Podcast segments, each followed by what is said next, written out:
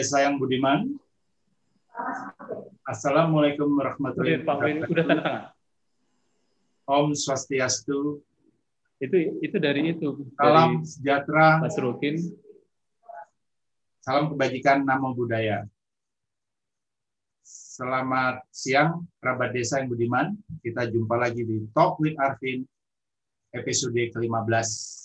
Hari ini kita hadir uh, narsum-narsum spesial dengan tema Momentum Era Transformasi Wilayah Industri Kreatif Berbasis Budaya Lokal. Tema yang menarik untuk kita bahas beberapa narsum hari ini hadir dari berbagai wilayah. Ada dari Palembang, dari uh, Yogyakarta, dari Surabaya, dan juga dari Bali. Nah, kita sapa dulu yang kita panggil Cak Gancar. Cak Gancar, sehat-sehat, apa kabar?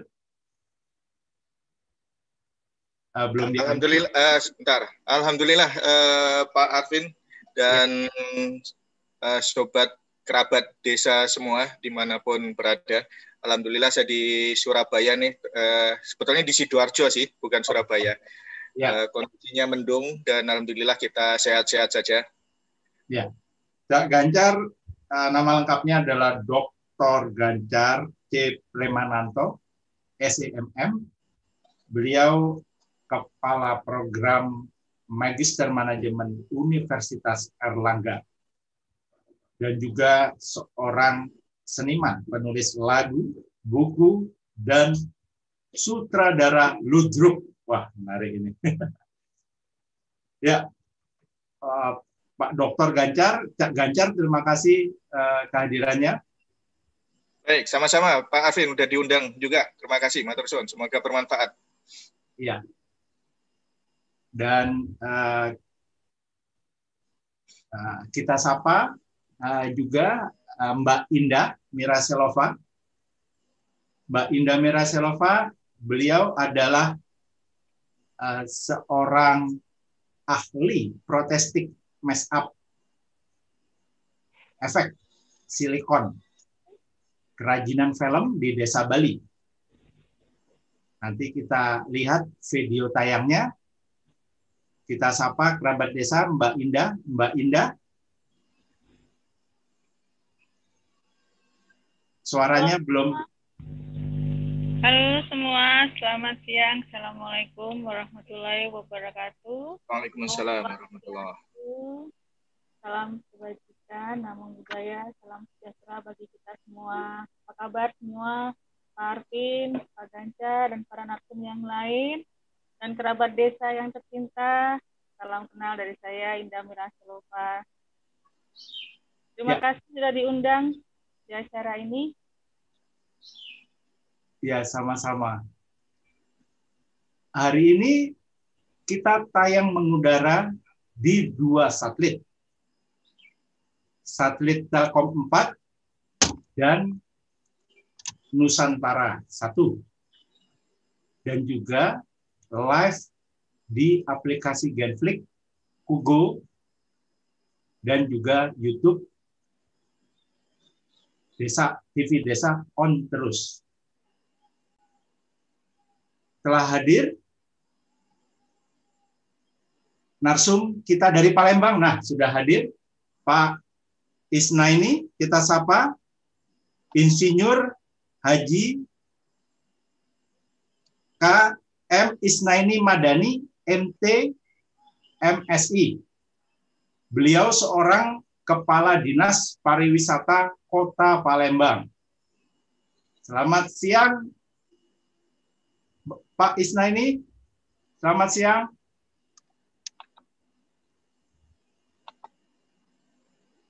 Ya, suara saya bagus. Ah, ya. Siap, bagus, bagus. Ya. Selamat datang ya. di TV Desa. Ya. Ya, Assalamualaikum warahmatullahi wabarakatuh. Selamat siang, salam pesona Indonesia. Terima kasih. Salam pempek. salam pempek mendunia. Iya, pempek mendunia. Terima kasih. Nanti kita diskusi. Dan juga uh, narsum dari Yogyakarta, uh, Pak Cahyadi Joko Sukmono, MM. Beliau seorang social business spesialis IBCF dan founder Sekolah Ekonomi Desa dan juga seorang ketua umum DPN DSI, DSI. Apakah Pak Cahyadi sudah hadir? Mari kita sapa pemirsa senusantara. Ya, nggak apa-apa nanti kita susulkan. Oke, saya ingin bincang-bincang sedikit dulu sama Pak Dr. Gancar. Oh, mohon ya. maaf, uh, pemirsa, Pak Cahyadi masuk. Mari kita sapa dulu Pak Cahyadi. Selamat siang Pak Cahyadi. Ya, sedang proses masuk. Oke. Selamat siang Pak Cahyadi.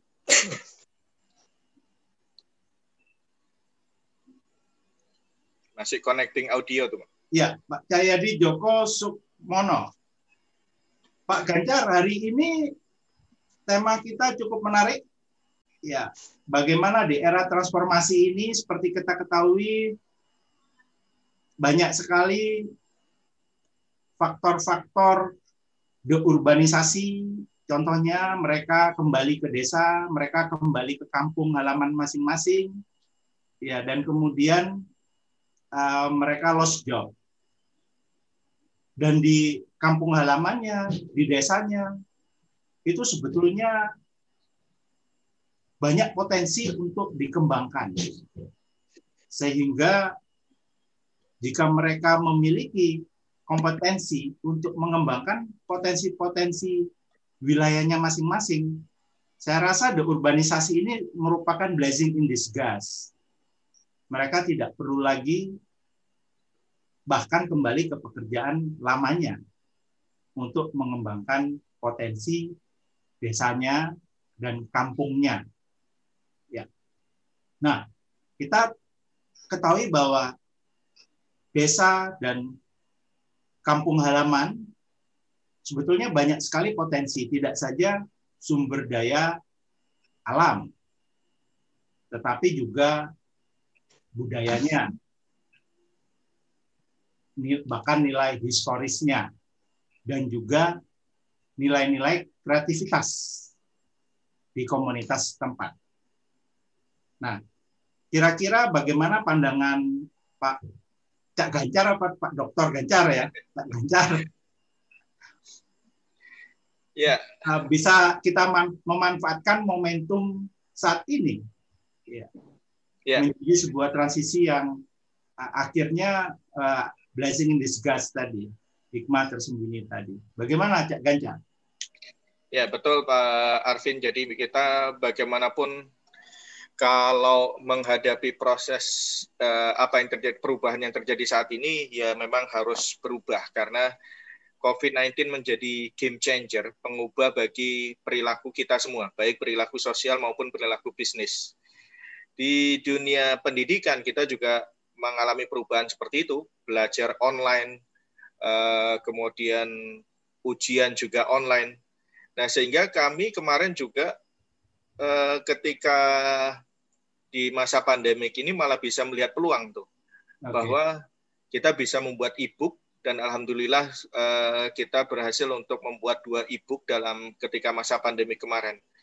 Dan juga eh, aktivitas dengan online itu ternyata juga menjadikan kita tetap bisa produktif tuh, yaitu dengan melakukan banyak aktivitas secara online Eh, tercatat kurang lebih ada sekitar 70 materi Zoominar yang pernah kita lakukan, Pak Arvin. Hingga saat ini bisa jadi lebih 70. Plus juga kita untuk University Social Responsibility, kita menyebut seperti itu. Kalau di perusahaan kan CSR. Kalau ya. di kampus kita sebut University Social Responsibility, USR. Nah, catatan kami bahwa bersama dengan mahasiswa kita bisa membuat sekitar tujuh aktivitas yang arahnya adalah untuk uh, membantu kepada masyarakat. Nah, Jadi tidak ada alasan bagi kita untuk uh, menjadikan kita terhenti untuk melakukan sesuatu. Tapi bahwa kemudian memang banyak peluang kalau kita bisa melihat hal tersebut. Dan ini yang kemudian menjadikan sebetulnya filosofi hidup itu juga seperti itu. Saya akan coba kembali kepada filosofi hidup ya Pak Arvin. Ya. Bahwa kita lahir untuk menghadapi perubahan. Ya. Bukan untuk menghadapi kondisi status quo. Bukan Oke. menghadapi stabilitas. Dinamika ya, ya.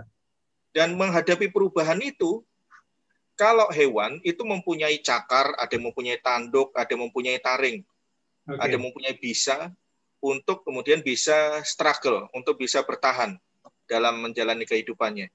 Bahkan ada yang sejak kecil punya rumah gitu kan Pak Arvin ya, keong itu yeah. kan sejak kecil punya rumah. Kita tidak bisa seperti itu, kita tidak punya rumah. Nah, maka kita ketika lahir menghad harus menghadapi perubahan, padahal kita lahir tanpa apa-apa nih. Iya. Yeah.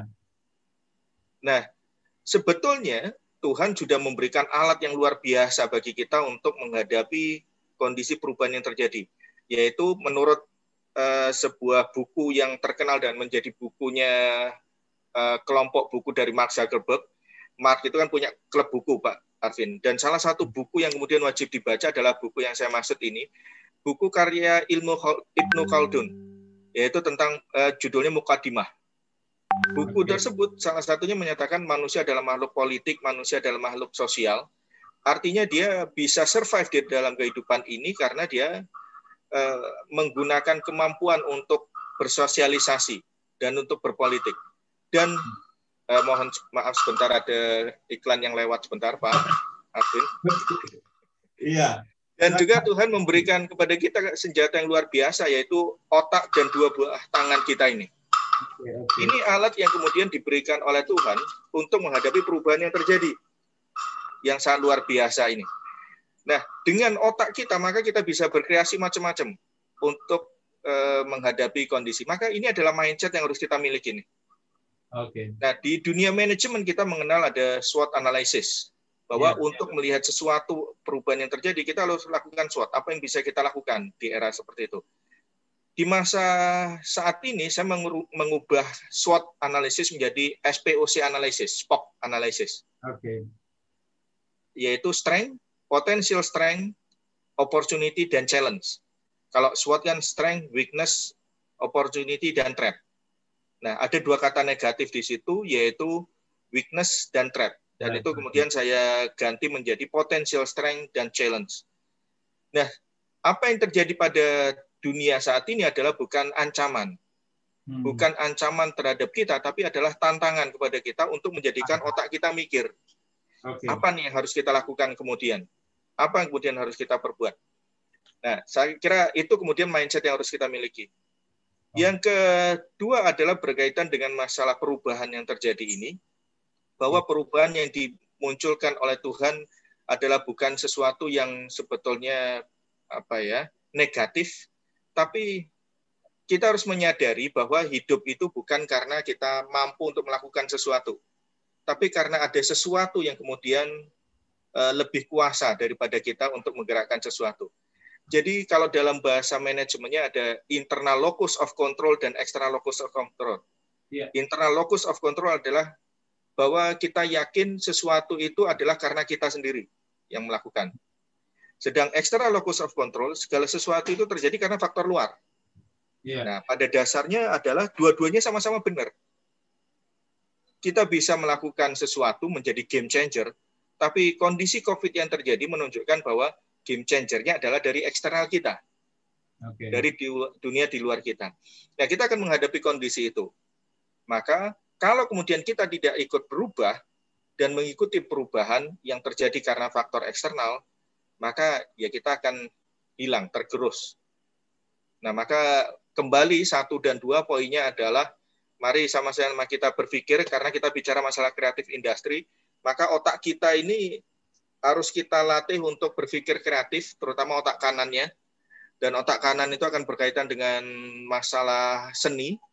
Yeah. Dan seni itu bukan hanya masalah yang kemudian bisa dipelajari di bangku kuliah.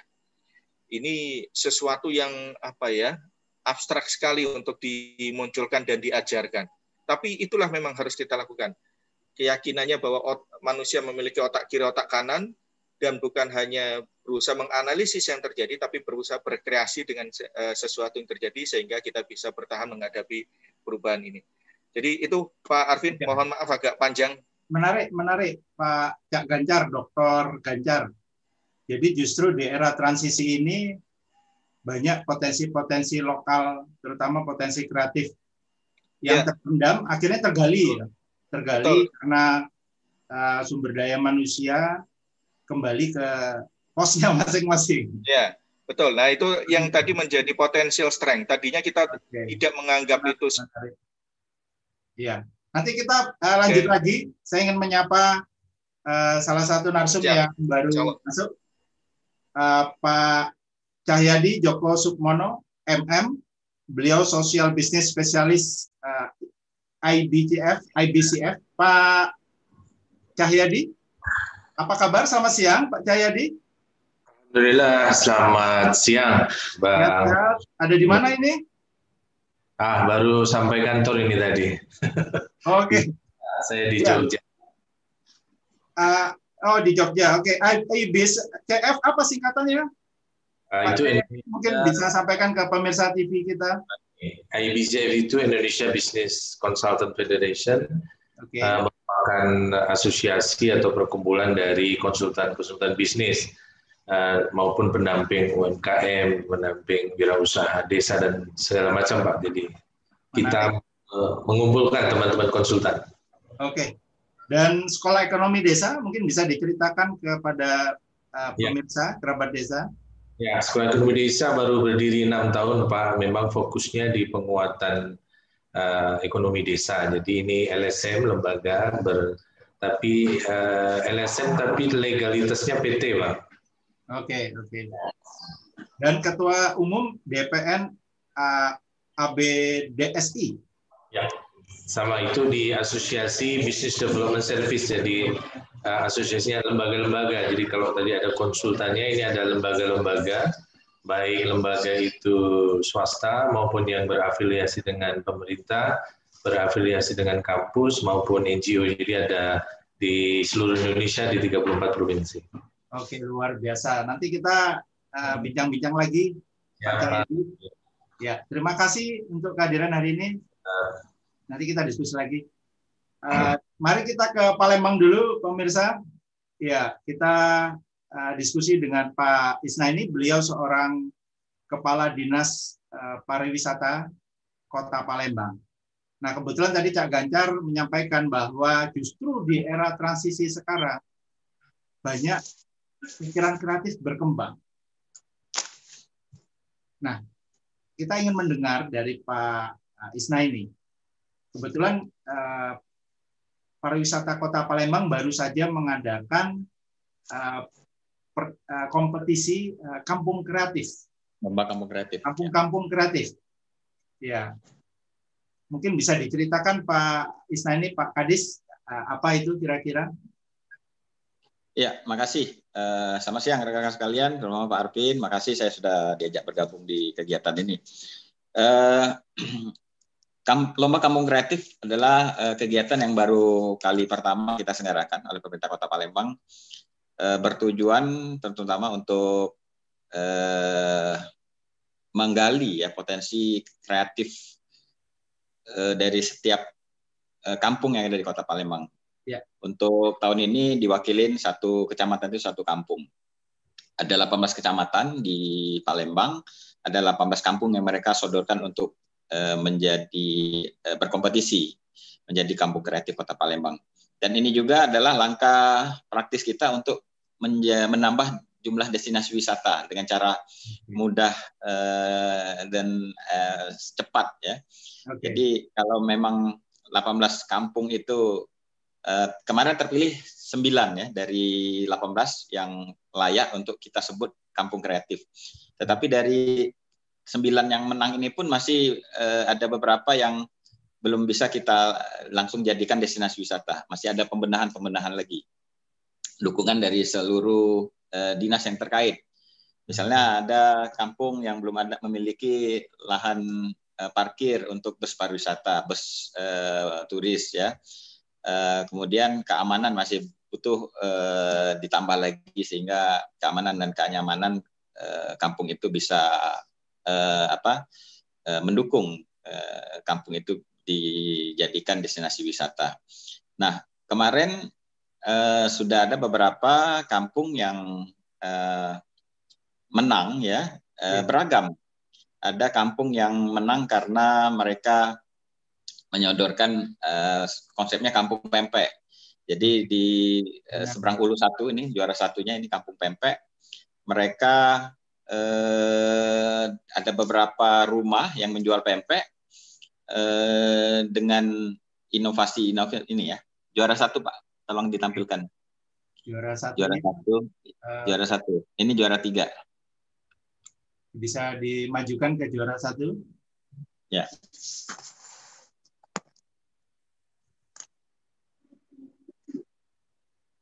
Nah ini. Oke. Okay. Ini juara satu, ini Sebang Ulu satu. Ini Kampung Pempek Tanggorajo, Cindo. Tanggorajo ini memang daerah situ namanya daerah Tanggorajo. Jadi mereka ada beberapa rumah yang eh, apa menjual pempek yang ke depan kita harapkan eh, turis bisa langsung melihat cara pembuatan pempek dengan cara yang higienis, dengan ikan-ikan pilihan dan sebagainya. Kemudian tidak jauh dari eh, rumah yang pertama ada juga rumah yang lain eh, sama ya. Mereka juga bisa men langsung menjual pempek di sana, turis bisa langsung melihat Nah, cara pembuatannya, kemudian juga mereka eh, menyediakan tempat makan di di lokasi itu. Kemudian juga mereka jual uh, pempek kering, mereka jual kerupuk, mereka jual juga makanan-makanan khas Palembang selain pempek. Sehingga layak kita namakan ini kampung pempek. Bahkan oleh Pak Lurah sana didukung oleh Pak Camat, mereka juga menyiapkan karena lokasi kampung Tanggorajo Cindo, kampung pempek ini berada di tepian Sungai Misi, mereka juga rupanya sudah menyiapkan uh, plaza ya, tempat uh, turis berselfie uh, dengan latar belakang jembatan Ampera. Karena kebenaran ini berada di Kelurahan Tujuh Ulu, tidak jauh dari jembatan Ampera sehingga para turis bisa uh, berselfie dengan latar belakang jembatan Ampera. Dan juga para uh, di situ tinggal lagi memang kita beberapa catatan untuk kampung uh, Pempek Tanggorajo ini mereka belum siap lokasi lahan parkir untuk bus karena kita eh, sampaikan ke mereka yang namanya destinasi wisata itu eh, nantinya pasti akan dikunjungi oleh eh, para turis secara rombongan. Jadi mereka harus menyiapkan tempat parkir untuk bus. Kemudian juga kita harapkan ke depan mereka bisa menunjuk satu atau dua orang sebagai dalam tanda kutip tour guide atau pramu wisata setempat mereka juga harus uh, menyiapkan signage signage uh, kemudian juga gerbang yang ke depan lebih representatif lagi uh, dan juga tentu mereka harus menyiapkan uh, apa menambah uh, keamanan juga uh, bisa berkolaborasi dengan Pol PP atau dengan pihak-pihak yang lain. Nah, jadi uh, singkat kata uh, pemenang kampung kreatif ini mereka uh, tentu ada beberapa catatan yang Eh, bisa kita harapkan bisa ditingkatkan, bisa dilengkapi oleh mereka, tapi ada juga beberapa yang memang harus dibantu oleh pemerintah. Okay. Misalnya uh, uh, perbaikan parit, yang ada beberapa tempat paritnya uh, tidak sesuai dengan standar, kemudian juga mungkin kondisi uh, aspal yang banyak berlobang, kemudian juga penataan-penataan lain yang kita bisa harapkan juga bisa dibantu oleh CSR, ya perusahaan-perusahaan. Karena eh, dengan mereka menang menjadi eh, juara kampung kreatif tentu akan membuka mata dunia ya, minimal perusahaan-perusahaan yang memang sudah wajib kewajiban mereka untuk menggelontorkan CSR-nya itu bisa dibantukan ke kampung-kampung kreatif ini ke depan. Oke. Okay. Sementara itu saja Pak Arvin. Iya. Jadi eh, kampung pempek ini menariknya menjadi tidak saja wilayah wisata kuliner, namun wisata iya. gastronomi. Bagaimana Uh, visitor datang, dia hmm. mengetahui sejarah pempek, ya, ya. bagaimana uh, budaya nah. Memasaknya dan caranya cukup menarik. Uh, ya. Apakah ini di dalam uh, sebuah satu brand sama-sama dan uh, pemberdayaan seluruh warga bersama-sama? Ya, ini tentu syarat. Jadi ada beberapa kemarin yang tidak menang ya. Ada dari satu kecamatan, saya tidak sebut namanya. Iya. Mereka konsep itu bukannya uh, konsep kampung, bukannya konsep bersama, bukannya konsep uh, ya. yang dikerjakan atau dimiliki merasa dimiliki oleh masyarakat. Ada satu kawasan, uh, satu kecamatan destinasi wisata yang memang belum masuk ke dalam uh, list destinasi wisata Kota Palembang mereka ajukan. Jadi syarat untuk ikut dalam lomba kampung kreatif ini, kampung yang disodorkan itu belum masuk ke dalam list destinasi wisata Palembang, list daftar uh, resmi destinasi wisata Kota Palembang. Kita apalagi bahwa, hmm. kenapa? Selain pempek, apalagi kampung kreatifnya? Ya, juara ya boleh nanti nanti di juara dua kita bisa lihat itu. Iya. Di juara dua boleh. boleh coba juara ya. duanya apa? Jadi mereka menjadi sebuah industri uh, industri UKM setempat ya bersama-sama. Ya.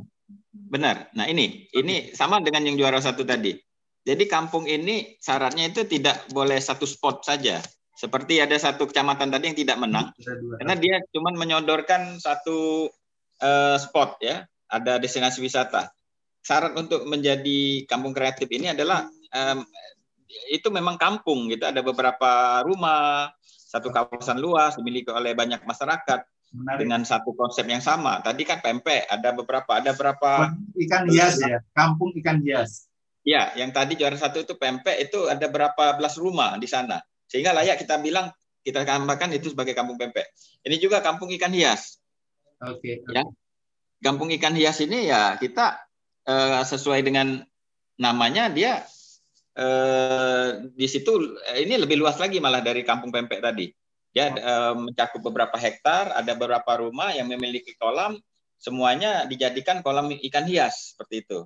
Okay. Jadi waktu ya, tapi memang salah satu syaratnya mereka harus menyiapkan lahan parkir yang cukup untuk bus. Nah ini mereka belum memiliki karena mereka harus menyiapkan apa lokasi yang luas tentu mem, memerlukan dana yang tidak sedikit. Nah inilah mungkin bisa dibantu nanti oleh pihak-pihak lain, termasuk juga pemerintah, karena begitu mereka menang menjadi lembaga kampung kreatif, menjadi kampung kreatif, tentunya kita harapkan kampung kreatif ini bisa kita tingkatkan lagi menjadi destinasi wisata unggulan Kota Palembang dengan bantuan pihak-pihak lain termasuk oleh pemerintah. Begitu Pak. Bisa ditunjukkan juara lainnya, bisa ditunjukkan juara bisa, lainnya. boleh, boleh.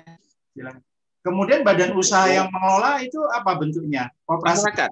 Masyarakat. Ya, ada ada koperasi ya, terutama koperasi ya.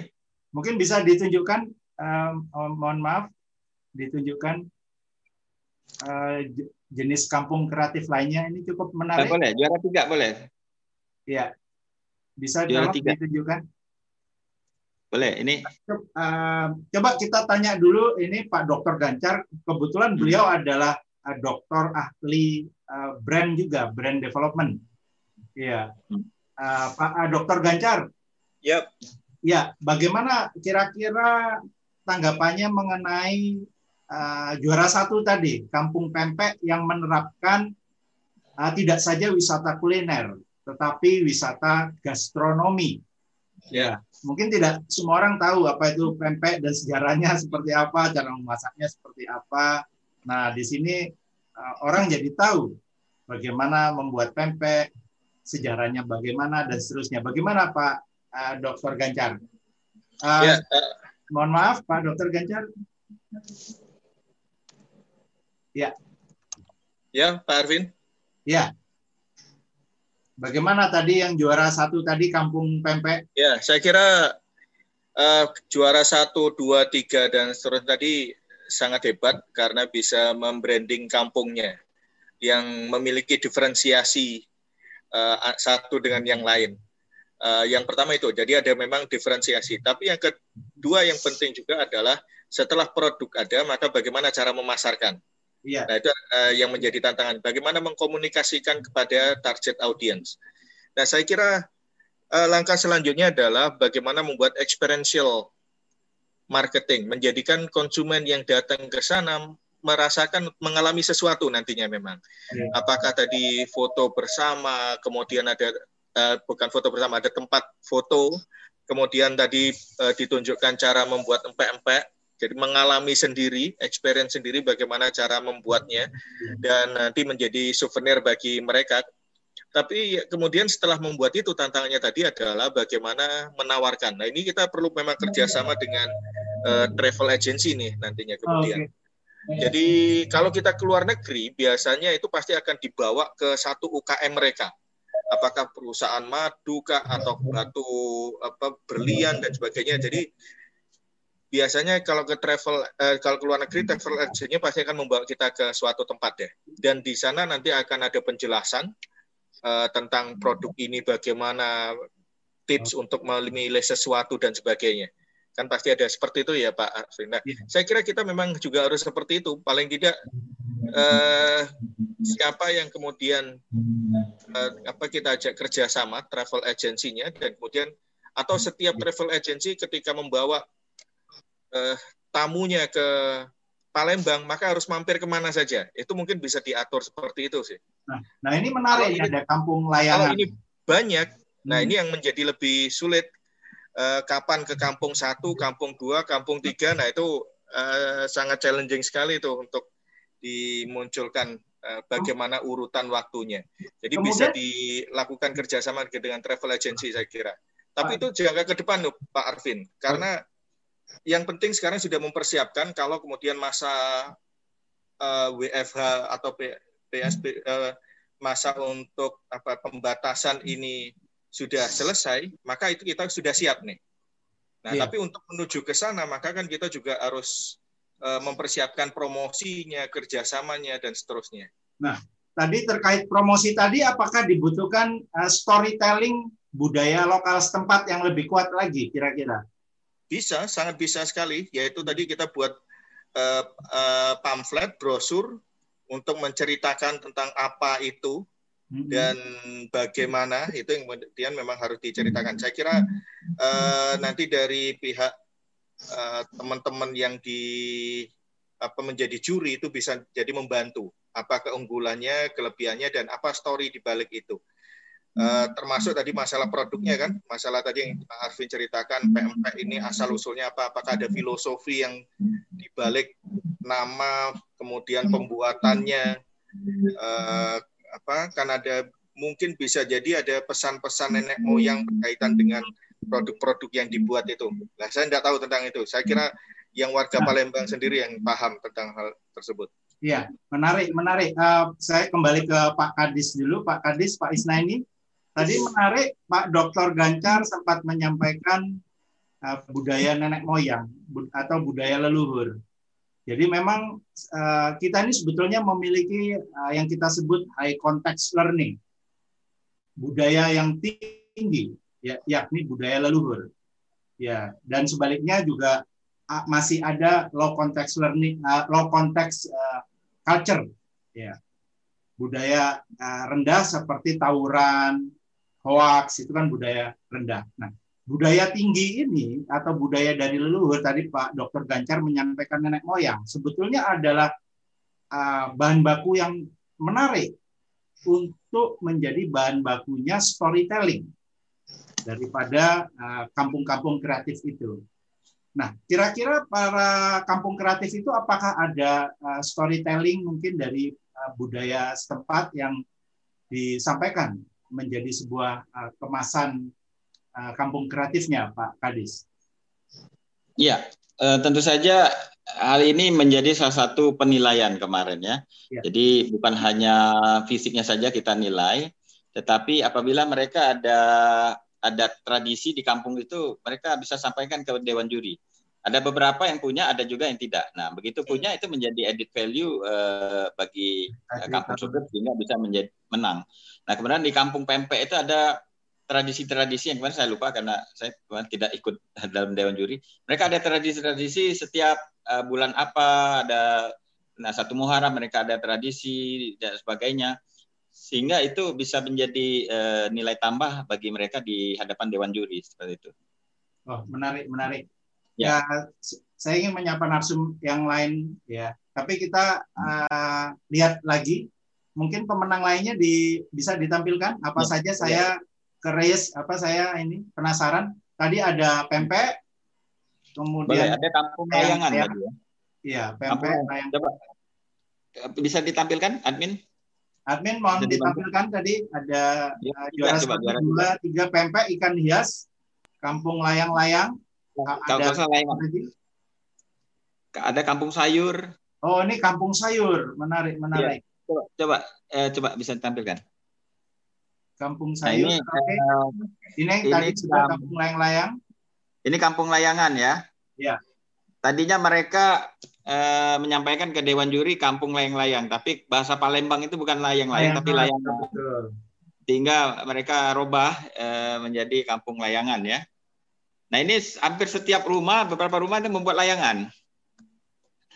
Nah ternyata mereka selain eh, membuat layangan, mereka juga membuat eh, kuliner-kuliner khas Palembang ya.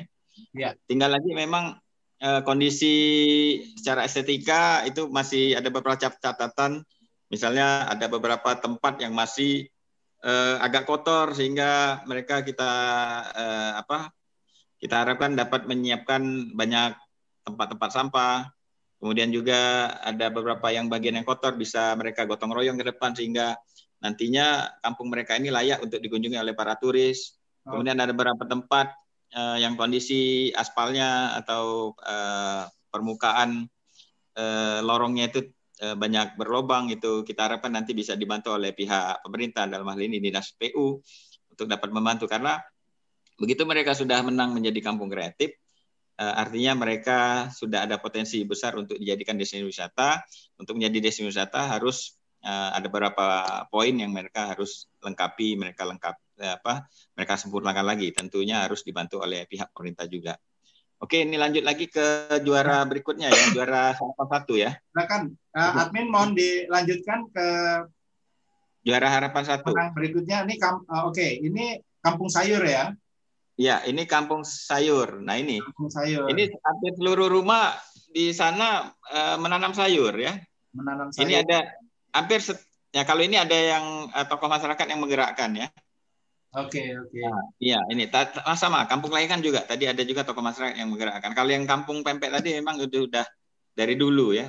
Jadi memang ada ada yang Nah, ini juga menjadi poin tersendiri apabila ada tokoh masyarakat atau eh, or- organisasi kepemudaan atau organisasi masyarakat yang memang di situ berfungsi sebagai eh, penggerak bagi masyarakat untuk eh, bersama-sama mewujudkan eh, tujuan mereka. Misalnya ini di Kecamatan Bukit Kecil ini menjadi kampung sayur. Oke. Ya, bisa selanjutnya ke juara harapan Juara selanjutnya juara harapan dua. Ya. Nah, ini juara harapan dua. Ini agrowisata ya. Ya, nah ini agrowisata, ini macam-macam. Bahkan di sini uniknya parit depan rumah mereka itu mereka jadi di tempat eh, mereka ini ya eh, menangkar eh, ikan lele sama ikan nila Oke. parit. Jadi sangat sangat luar biasa karena. Kebenaran ini kampung agrowisata Kaledonia ini berada di pinggiran kota Palembang, jadi paritnya itu masih bersih ya, belum ada tercemar limbah. Dan kebenaran mereka juga masih ada beberapa hektar sawah yang mereka jadikan memang ke depan rencananya untuk agrowisata. Ini menarik sekali. Oke, lanjut ke juara harapan Tiga. Oke. juara harapan tiga ya. Dua. Oh, yang tadi, ah, mohon maaf. Ah, ini. Ini apa ini yang tadi? Ah, ma- ah, stop. Oke. Ini pelaju. Oke, Ya, daerah. Pelaju ini juara, ini kampung favorit. Kampung Iya. favorit ini kemarin ini berdasarkan pilihan dari eh, masyarakat ya. Ya. Ini eh, lorong Mari di Kecamatan Pelaju. Ini Ya. kita lihat ini dari dari gambar-gambarnya. Jadi ini ada satu penggerak masyarakat namanya Pak Hairul atau Pak Ilung. Oke. Mereka yang menggerakkan masyarakat. Setiap rumah mereka cat warna-warni. Sehingga ini juga ada beberapa rumah mereka mereka eh, buat sebagai tempat media eh, tanaman dari hidroponik ya. Bagaimana mereka menyiramnya juga eh, berdasar apa ada sistemnya tersendiri eh, pakai perpipaan. Jadi kalau begitu menyiram itu mereka tidak perlu lagi bercapek-capek menyiram satu pot uh, ke pot lain, tapi mereka dengan membuka satu keran saja uh, melalui perpipaan semua tanaman yang ada itu tersiram dengan merata. Luar biasa. Ini uh, sederhana oleh seorang anak kampung yang namanya Hairul bisa menemukan sistem penyiraman dengan cara uh, yang sangat uh, luar biasa. Okay. Dan di sini juga ada mereka siapkan ada beberapa sepeda apabila ada turis yang ingin berkeliling kampung naik sepeda. Kemudian juga mereka menyiapkan beberapa rumah untuk uh, bisa dikunjungi sebagai uh, tempat uh, apa? Uh, ini ada beberapa rumah yang memanggang kerupuk kemplang ya khas Palembang. Ya. Mereka ini di Kampung Mari ini juga, Lorong Mari ini juga mereka menjual kerupuk uh, kemplang khas Palembang di mana setiap turis atau pendatang pengunjung itu bisa melihat cara membuatnya langsung di setiap uh, ada beberapa rumah di sana. Ini adalah juara kampung favorit ya. Satu lagi ada mungkin ada yang berpotensi ya istilahnya. Iya. Nah ini harapan tiga. Harapan tiga ini eh, kampung kuliner Bingen. Jadi hampir hampir eh, ada beberapa rumah lumayan banyak yang eh, mereka memproduksi kue-kue atau makanan khas Palembang. Yang kul, eh, makanan khas zaman eh, Bingen. Kalau orang Palembang tuh nah, zaman dulu namanya Bingen. Asli lah masih asli. Jadi beberapa kuliner yang eh, makanan asli atau khas Palembang mereka jual. Semuanya hampir merata jual itu termasuk juga pempek Yeah. Nah, jadi sehingga kita tetapkan mereka sebagai uh, juara harapan tiga di sini. Ada lagi yang kampung berpotensi ya, nggak salah. Ya. Ya, nah, ini ya Anyaman ya, kerajinan ya, kampung ya. kerajinan. Ya, ini kampung Anyaman. Ini berada di Sematang Borang ya. Iya. Kampung Anyaman. Ini hampir beberapa rumah di kampung itu mereka semuanya membuat anyaman-anyaman. Oh. Terutama dari apa nih daun bambu ya. Karena saya nggak kemudian nggak ikut ke lapangan kemarin ini dewan jurinya aja. Nah ini uh, kita nyatakan sebagai kampung berpotensi, walaupun nilainya mereka tidak setinggi dari yang juara harapan satu sampai harapan tiga tadi, dari juara satu sampai harapan tiga. Ya. Nah yang kita harapkan dari kampung berpotensi ini mereka ada beberapa catatan yang kita berikan sehingga nanti mereka uh, bisa meningkatkan value-nya sehingga nanti kalau uh, kampung mereka Eh, kita nyatakan sebagai destinasi sudah siap. Dan tentunya sekali lagi ini butuh bantuan dari pihak-pihak lain, terutama ya. dari OPD terkait di pemerintah, kemudian juga dari perusahaan-perusahaan lain apabila memang uh, setelah kita nyatakan mereka menang ini, banyak perusahaan nanti yang bisa melirik mereka untuk membantu atau menggelontorkan CSR-nya. Demikian Wah, Pak Arvin. Luar biasa Pak Is. Kita uh, diskusi dulu, uh, nanti kita kembali, kita mau tanya ya. uh, narsum dari Jogja nih. Pak Cahyadi, Pak Cahyadi. Siap, Pak ya, Pak Cahyadi. Nah, sebelum kita diskusi tentang desa, pendapat Pak Cahyadi sendiri bagaimana melihat uh, usaha Dinas Pariwisata Palembang membangun industri masa depan ya, industri kampung-kampung kreatif ini menjadi kampung wisata Kota Palembang. Kira-kira bagaimana tanggapan Pak Cahyadi? Baik, Kasih Bang Arvin. Saya perhatikan tadi sebetulnya ini memang yang yang kita butuhkan, yaitu kolaborasi eh, kolaborasi antar sektor. Kalau kita di pemerintahan mungkin kolaborasi antar dinas ya, tapi lebih besar lagi memang kolaborasi antar pihak. Karena kalau dibicara tentang pengembangan desa uh, ataupun kampung ya, di situlah di situlah sesungguhnya warga negara bangsa kita ini tinggal Nah, di situlah ujung tombaknya di pemerintahan desa maupun di kelurahan atau di kampung itulah ujung tombaknya. Mestinya kampung ini menjadi semacam apa ya, menjadi semacam uh, torong gitu ya, menjadi semacam torong yang yang bisa men, uh, menjadi wadah atau bisa menyalurkan tata kelola yang multisektor antara baik itu di pengembangan desanya, kemudian juga terkait dengan UMKM-nya, terkait dengan pariwisatanya ini ya, ini sungguh uh, menurut saya sangat bagus sekali Bang Arvin. Iya. Jadi uh, menurut Pak Jayadi dibutuhkan segenap stakeholders ya sama-sama menjadi sebuah satu kesatuan ekosistem Apakah Betul. begitu? Kira-kira kalau menurut Pak Cahyadi sendiri, kalau berbicara tentang kampung atau desa ya, apa sih sebetulnya definisi uh, desa cerdas? Ya, kalau kita kan mendengar sering mendengar smart city ya. Kalau desa ya. cerdas itu apa? Kira-kira apakah ekosistemnya lengkap tadi yang disampaikan oleh Pak Cahyadi? Ya, kalau kita bicara smart villages, artinya kita harus berhati-hati terhadap uh, sesat pikir bahwa semuanya itu harus uh, seragam karena village satu desa kita ini sangat beragam ya. ya. Saya alhamdulillah sejak pensiun 2013 lalu berkesempatan keliling desa-desa di di hampir banyak uh, apa di Indonesia ya menemukan banyak sekali sampai ada kampung bajak laut ya di di mana di Gorontalo. Oh ya. ya ada Uh, ada juga namanya Desa Rantokermas di di Taman Nasional Kerinci Sebelah ya. Uh, masuk ke sana tidak ada sinyal, tidak ada listrik dan ini masih ada di, di negara kita tentunya masih banyak. Nah kita bandingkan misalnya dengan desa-desa yang relatif uh, dekat, relatif suburban, mendekati kota, atau mungkin sekarang juga mulai banyak yang yang kita sebut sebagai desa-desa uh, suburban ya, suburban villages Eh, administratifnya desa, tapi rasanya kota, ya lingkungannya kota juga banyak. Nah, menurut saya bahwa narasi dalam pengembangan ini harus harus kita sesuaikan dengan dengan apa yang menjadi potensi dan kebutuhan. Itu yang yang di dalam background saya saya sebut salah satunya uh, Gemah Ripah Lojinawi ini ada di Jogja atau ada di Jawa, tetapi kemarin uh, saya lakukan beberapa riset ternyata ada persamaan-persamaan Eh, di beberapa budaya ya, misalnya di Padang juga ada, di Sulawesi Bugis juga ada, yang intinya bagaimana kita ini dilahirkan uh, di satu tempat, diam di satu tempat, uh, entah di desa mana, dalam kondisi desa mana itu Tuhan pasti punya uh, skenario nya, Tuhan pasti punya jalan rezeki kita masing-masing. Tinggal siapa manusia-manusia di desa itu yang kemudian bergerak secara kreatif.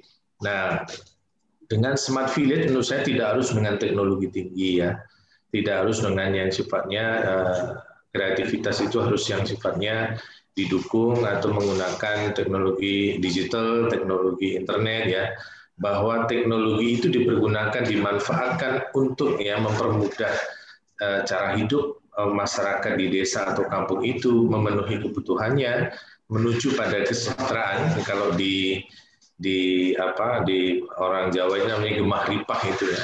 Orang uh, gemah itu berarti tentram, ripah itu berarti makmur. Orang kalau mau tentram uh, pikirannya, eh, tentram uh, hatinya, maka harus ripah ekonominya. Gitu. Nah itu tentunya tinggal kita loginawi apa yang sudah dihamparkan oleh Tuhan. Nah kalau kita bicara smart villages atau desa pintar, ya bagaimana kemudian ekosistem di dalam desa itu memanfaatkan teknologi dan teknologi tidak harus teknologi digital, tidak harus teknologi informasi komunikasi gitu, Bang Alvin. Oke, jadi uh, cukup menarik bahwa uh, definisi uh, desa cerdas tadi atau desa pintar itu tidak saja aplikasi teknologinya, justru yang paling penting adalah sistem kebudayaannya, ya, nilai budayanya itu sendiri yang bisa menjadi modal uh, aset desa itu. Ya, karena ini bisa kalau kemudian diterjemahkannya menjadi dalam satu logika yang yang salah, ini menjadi latah saja Pak Arvin ya. Sehingga kalau dipahami yang namanya desa pintar itu semuanya connected dengan internet, misalnya ya, uh, itu tentunya tidak pas kita kita terapkan di desa-desa yang memang remote tadi saya ceritakan di di di antara uh, Jambi dengan Sumatera eh, barat itu kan ada Taman Nasional Kerinci Sebelah di dalamnya ada suku suku eh, apa namanya ada salah satu suku namanya ya ada ada ada Desa Ranto Kermas saya pernah masuk sana. Ya internet jadi nggak penting lagi ya, untuk untuk kemudian apa dimanfaatkan. Lebih penting bagaimana misalnya di sana teknologi pengolahan kopi. Karena 100% masyarakatnya hidup dari kopi gitu ya. Meskipun ketika saya masuk ke sana disuguhi kopi bukan kopi serampas itu tapi kopi kapal api Pak. Termasuk tadi ya juara satu tadi kampung kreatif pempek itu justru uh, kampung pintarnya itu pintar membuat pempek ya, bukan karena ada teknologi dan sebagainya ya. Ya, pempek menjadi satu apa uh, satu kapital sosial di, di, di kampung itu menjadi satu kultur sejarah bagus, tetapi bagaimana kemudian masyarakatnya hari ini itu mampu memanfaatkan teknologi eh, termasuk dalam rangka efektivitas efisiensi dalam mengolah pempek misalnya itu juga sudah termasuk kampung pintar kalau menurut definisi saya. Oke. Okay. Yang, yang sering sering dipahami dengan smart village, smart city itu kadang-kadang uh, uh, apa menurut saya agak kebablasan kalau ini dikaitkan semuanya harus uh, uh, daring, semuanya harus uh, internet gitu ya. Sesuai kebutuhan yang intinya bagaimana kemudian teknologi yang digunakan memang memenuhi kebutuhan dalam rangka mensejahterakan warga itu aja. Ya, menarik. Nah, sekarang kita sapa dulu eh, Mbak Indah dari Bali, eh, Desa Film Bollywood. Ada video yang ingin ditayangkan dulu sebelum kita eh, diskusi dengan kawan-kawan narsum.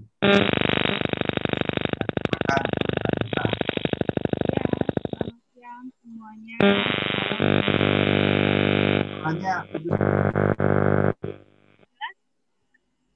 Ya, ya. Kebetulan saya dari desa ini, eh, bapak-bapak, ibu-ibu semua.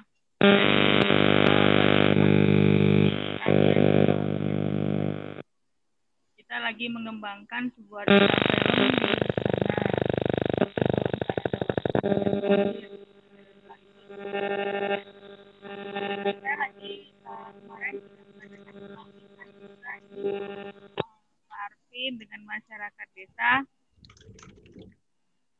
di mana masyarakat desa kita lagi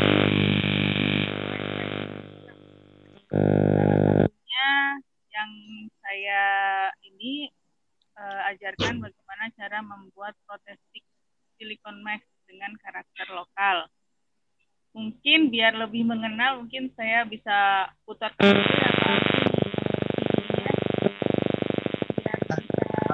Silakan diputar admin videonya. Terima kasih.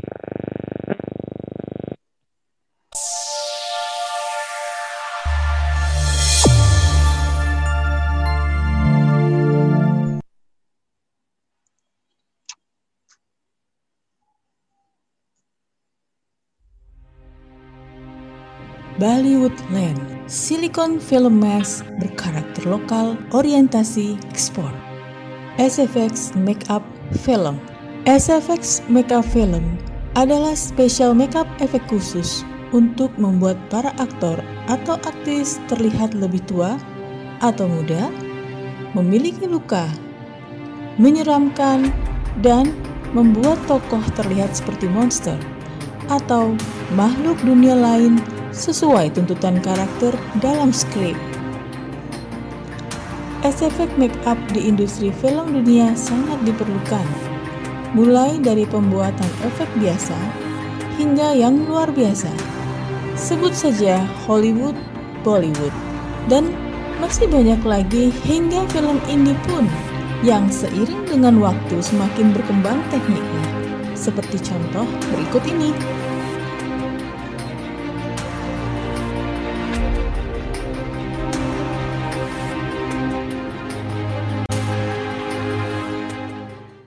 Bahkan, SFX Makeup mendapatkan penghargaan di Oscar. Pemberian piala Oscar untuk makeup terbaik dari And tahun ke tahun.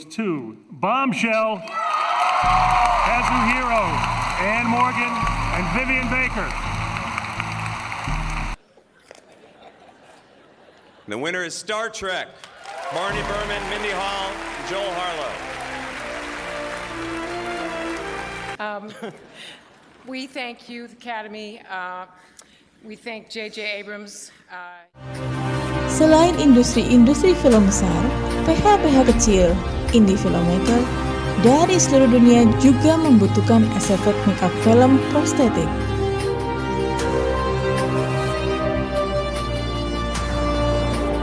Tidak saja itu, bahkan efek makeup terutama prostetik sangat dibutuhkan di dunia kedokteran dengan istilah medical art, di mana prostetik membantu mereka yang memiliki kekurangan. Walau tidak fungsional, namun dapat memberikan kesempurnaan yang dibutuhkan. Dengan begitu besarnya pertumbuhan industri film dunia, dari waktu ke waktu, termasuk film platform, dengan bertambahnya distribusi tayang yang sudah tidak berorientasi pada bioskop saja, seperti Netflix, Genflix, Hulu, Amazon TV, Moviebase, Bollywoodflix, dan lain-lain, membuat semakin banyaknya kebutuhan akan SFX makeup film, khususnya prostetik yang langsung jadi dan siap pakai dengan beragam varian, rupa untuk kebutuhan produksi film sehingga peluang pasar atau market ekspor terbuka.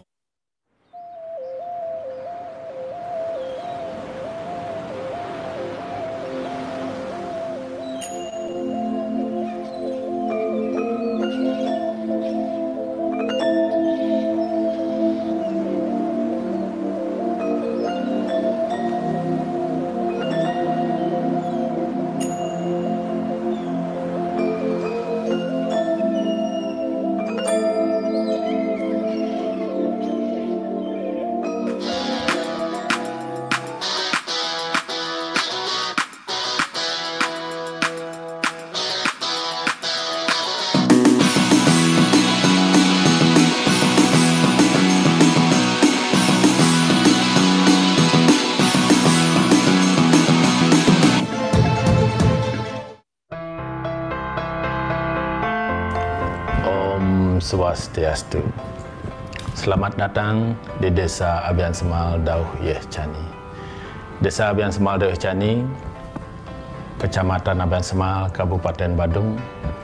Kami termotivasi dari pencanangan Bapak Presiden kita, yaitu Bapak Jokowi, yang mana di Indonesia dicanangkan untuk menjadi seribu, ya, membangun seribu desa wisata baru dengan mengkombinasikan uh, digital content media yang berbasiskan budaya lokal, kami sepakat membangun sebuah ekosistem ya, yang nantinya menjadi pusat produksi film, pusat pembelajaran film, termasuk menjadi tourism destination.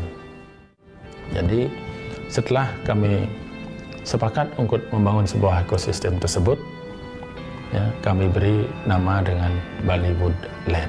Bollywood Land sendiri akan menjadi pionir ke depannya sebagai eksportir prostetik latex atau silikon glass, di mana dengan banyaknya varian atau karakter lokal Bali yang dapat dijadikan modelnya. Saat ini Bollywood Land sudah melakukan pelatihan mentransformasi salon-salon kecantikan di desa Apian Semaldauya Cani atau Bollywood Land menjadi salon film. Tahun ini juga sudah launching TV SFX Makeup Film untuk dunia. www.sfxmakeuptv.online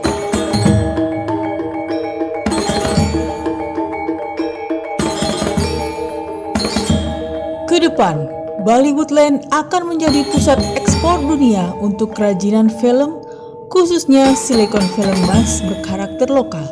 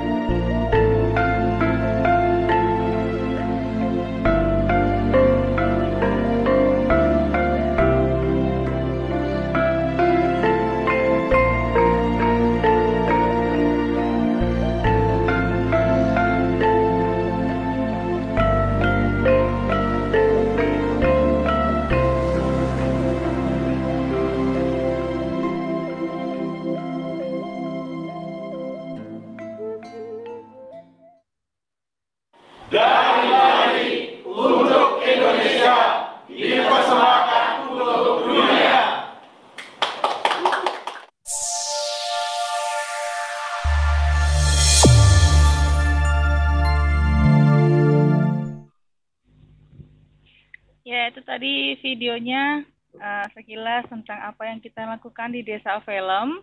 Kebetulan nih Pak Arvin tadi kan kelihatan cara pembuatan silikon max-nya. Nah, ini yang sudah jadi yang tadi habis bisa dipakai. Nah, seperti ini. Ini yang sudah kita latih di desa kita. Ya. Ini, ini dari latex. Itu tahan berapa lama latexnya? Uh, asal tidak sobek masih tahan lama, lumayan. Ya. Ini. Ini yang sedang kita buat ini sementara kita masih buat uh, tentang uh, terkait luka-luka. Biasanya kan kalau dalam film itu kan ada istilahnya continuity ya. Jadi kalau dalam satu scene ke scene lain itu nggak boleh berubah uh, luka yang satu dengan yang lain. Ini yang memudahkan bagi produser uh, makeup artisnya itu uh, bisa dipakai lagi untuk uh, kebesokan keesokan harinya pas saat, uh, syuting. Jadi tidak perlu ini tinggal tempel-tempel seperti ini aja. Lepasnya pun gampang. Nah ini nanti yang Farfi nanti yang akan kita kembangkan lagi yang tadi dalam video itu medical art.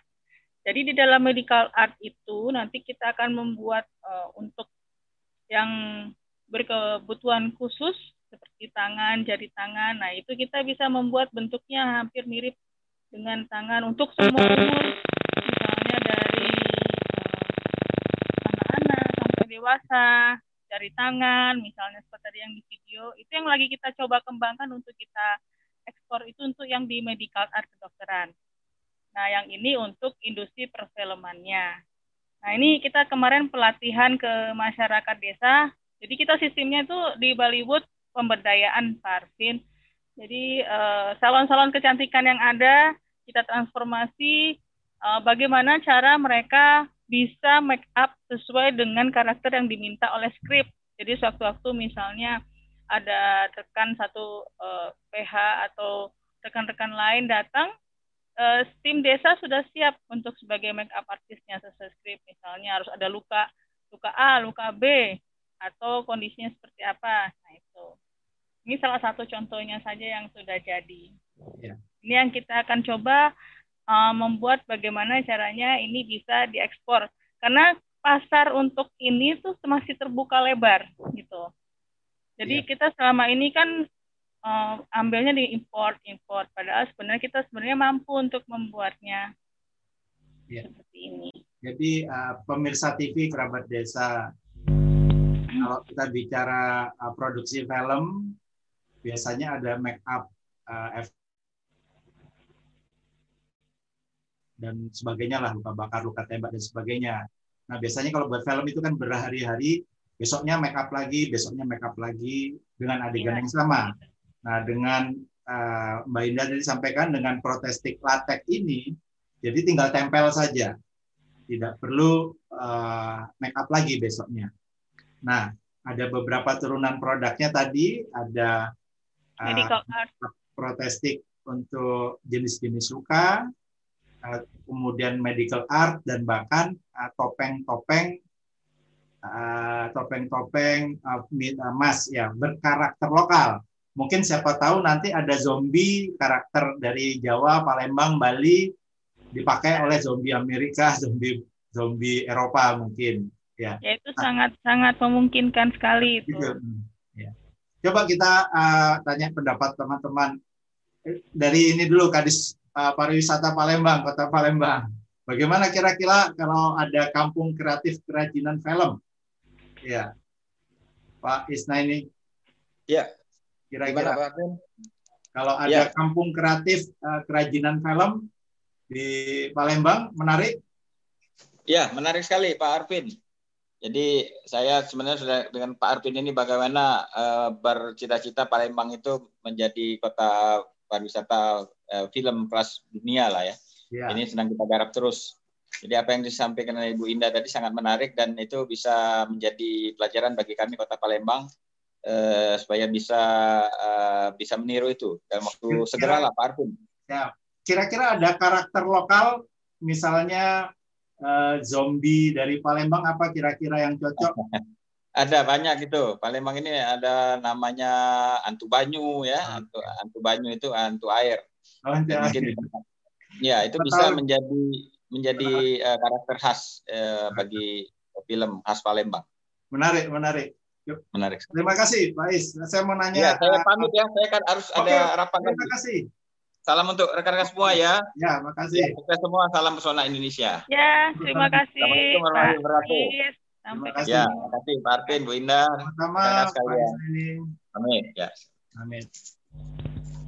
Ya, eh, Pak Dokter Ganjar.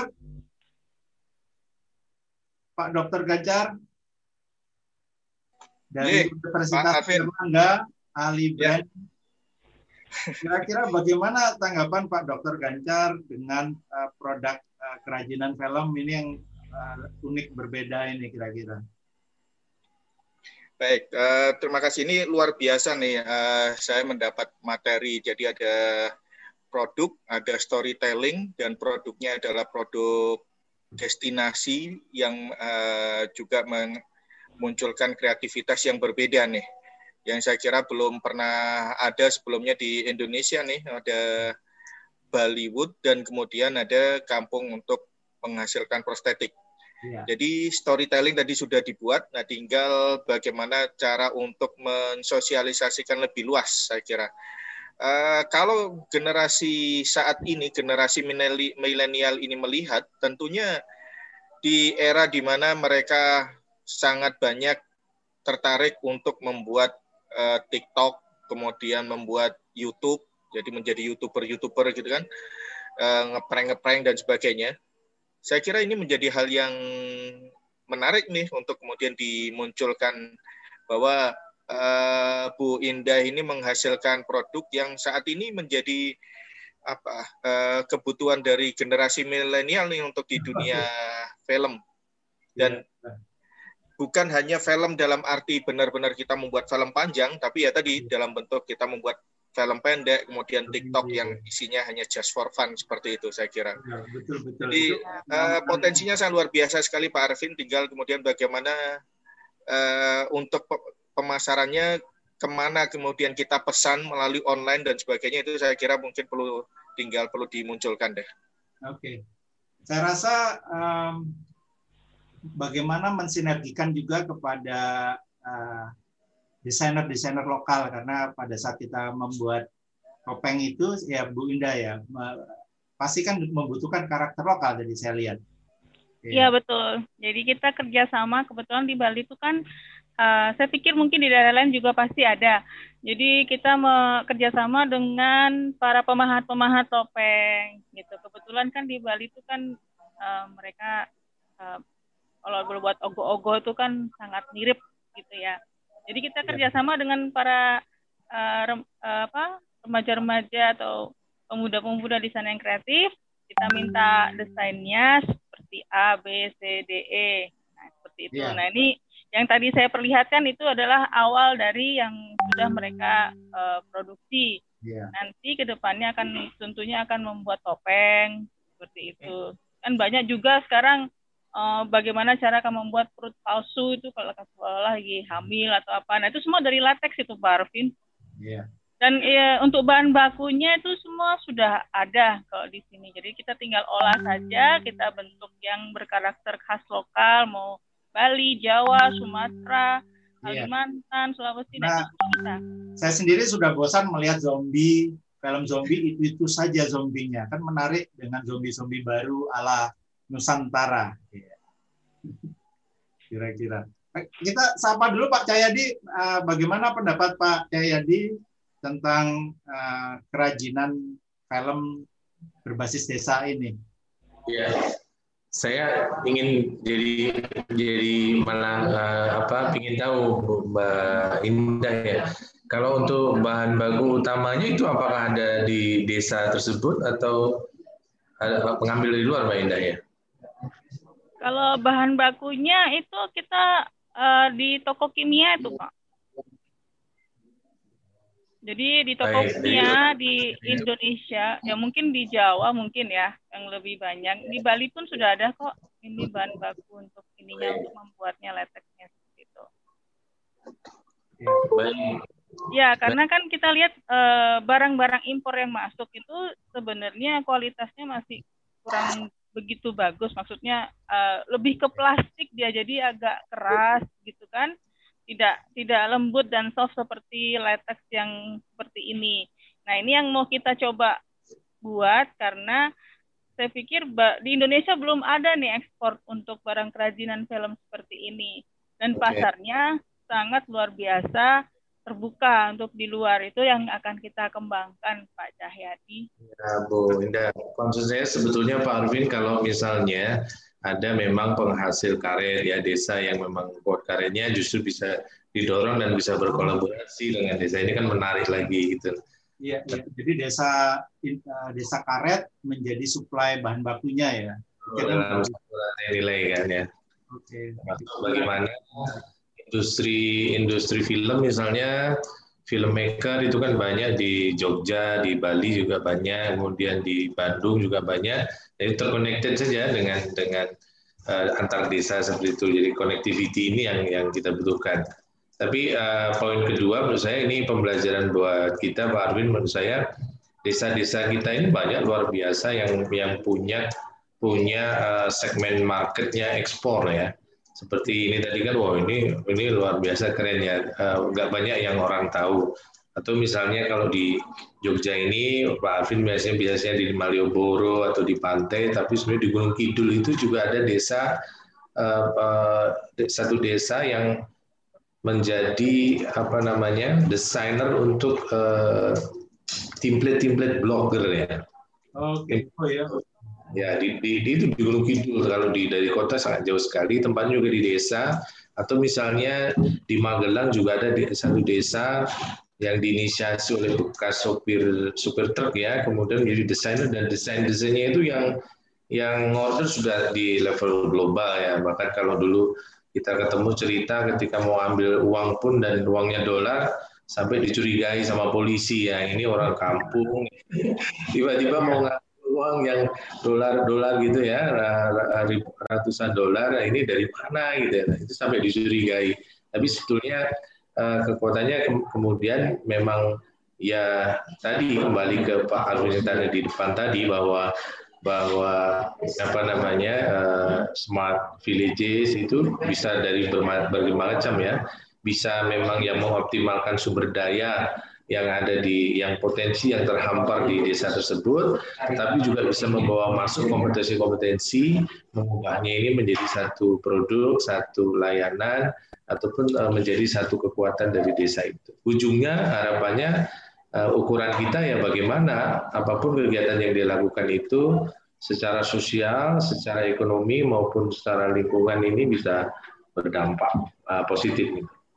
Nah tadi menarik bahwa dengan uh, satuan produksi saja sudah bisa ekspor lewat Amazon dan uh, e-commerce jenisnya lah.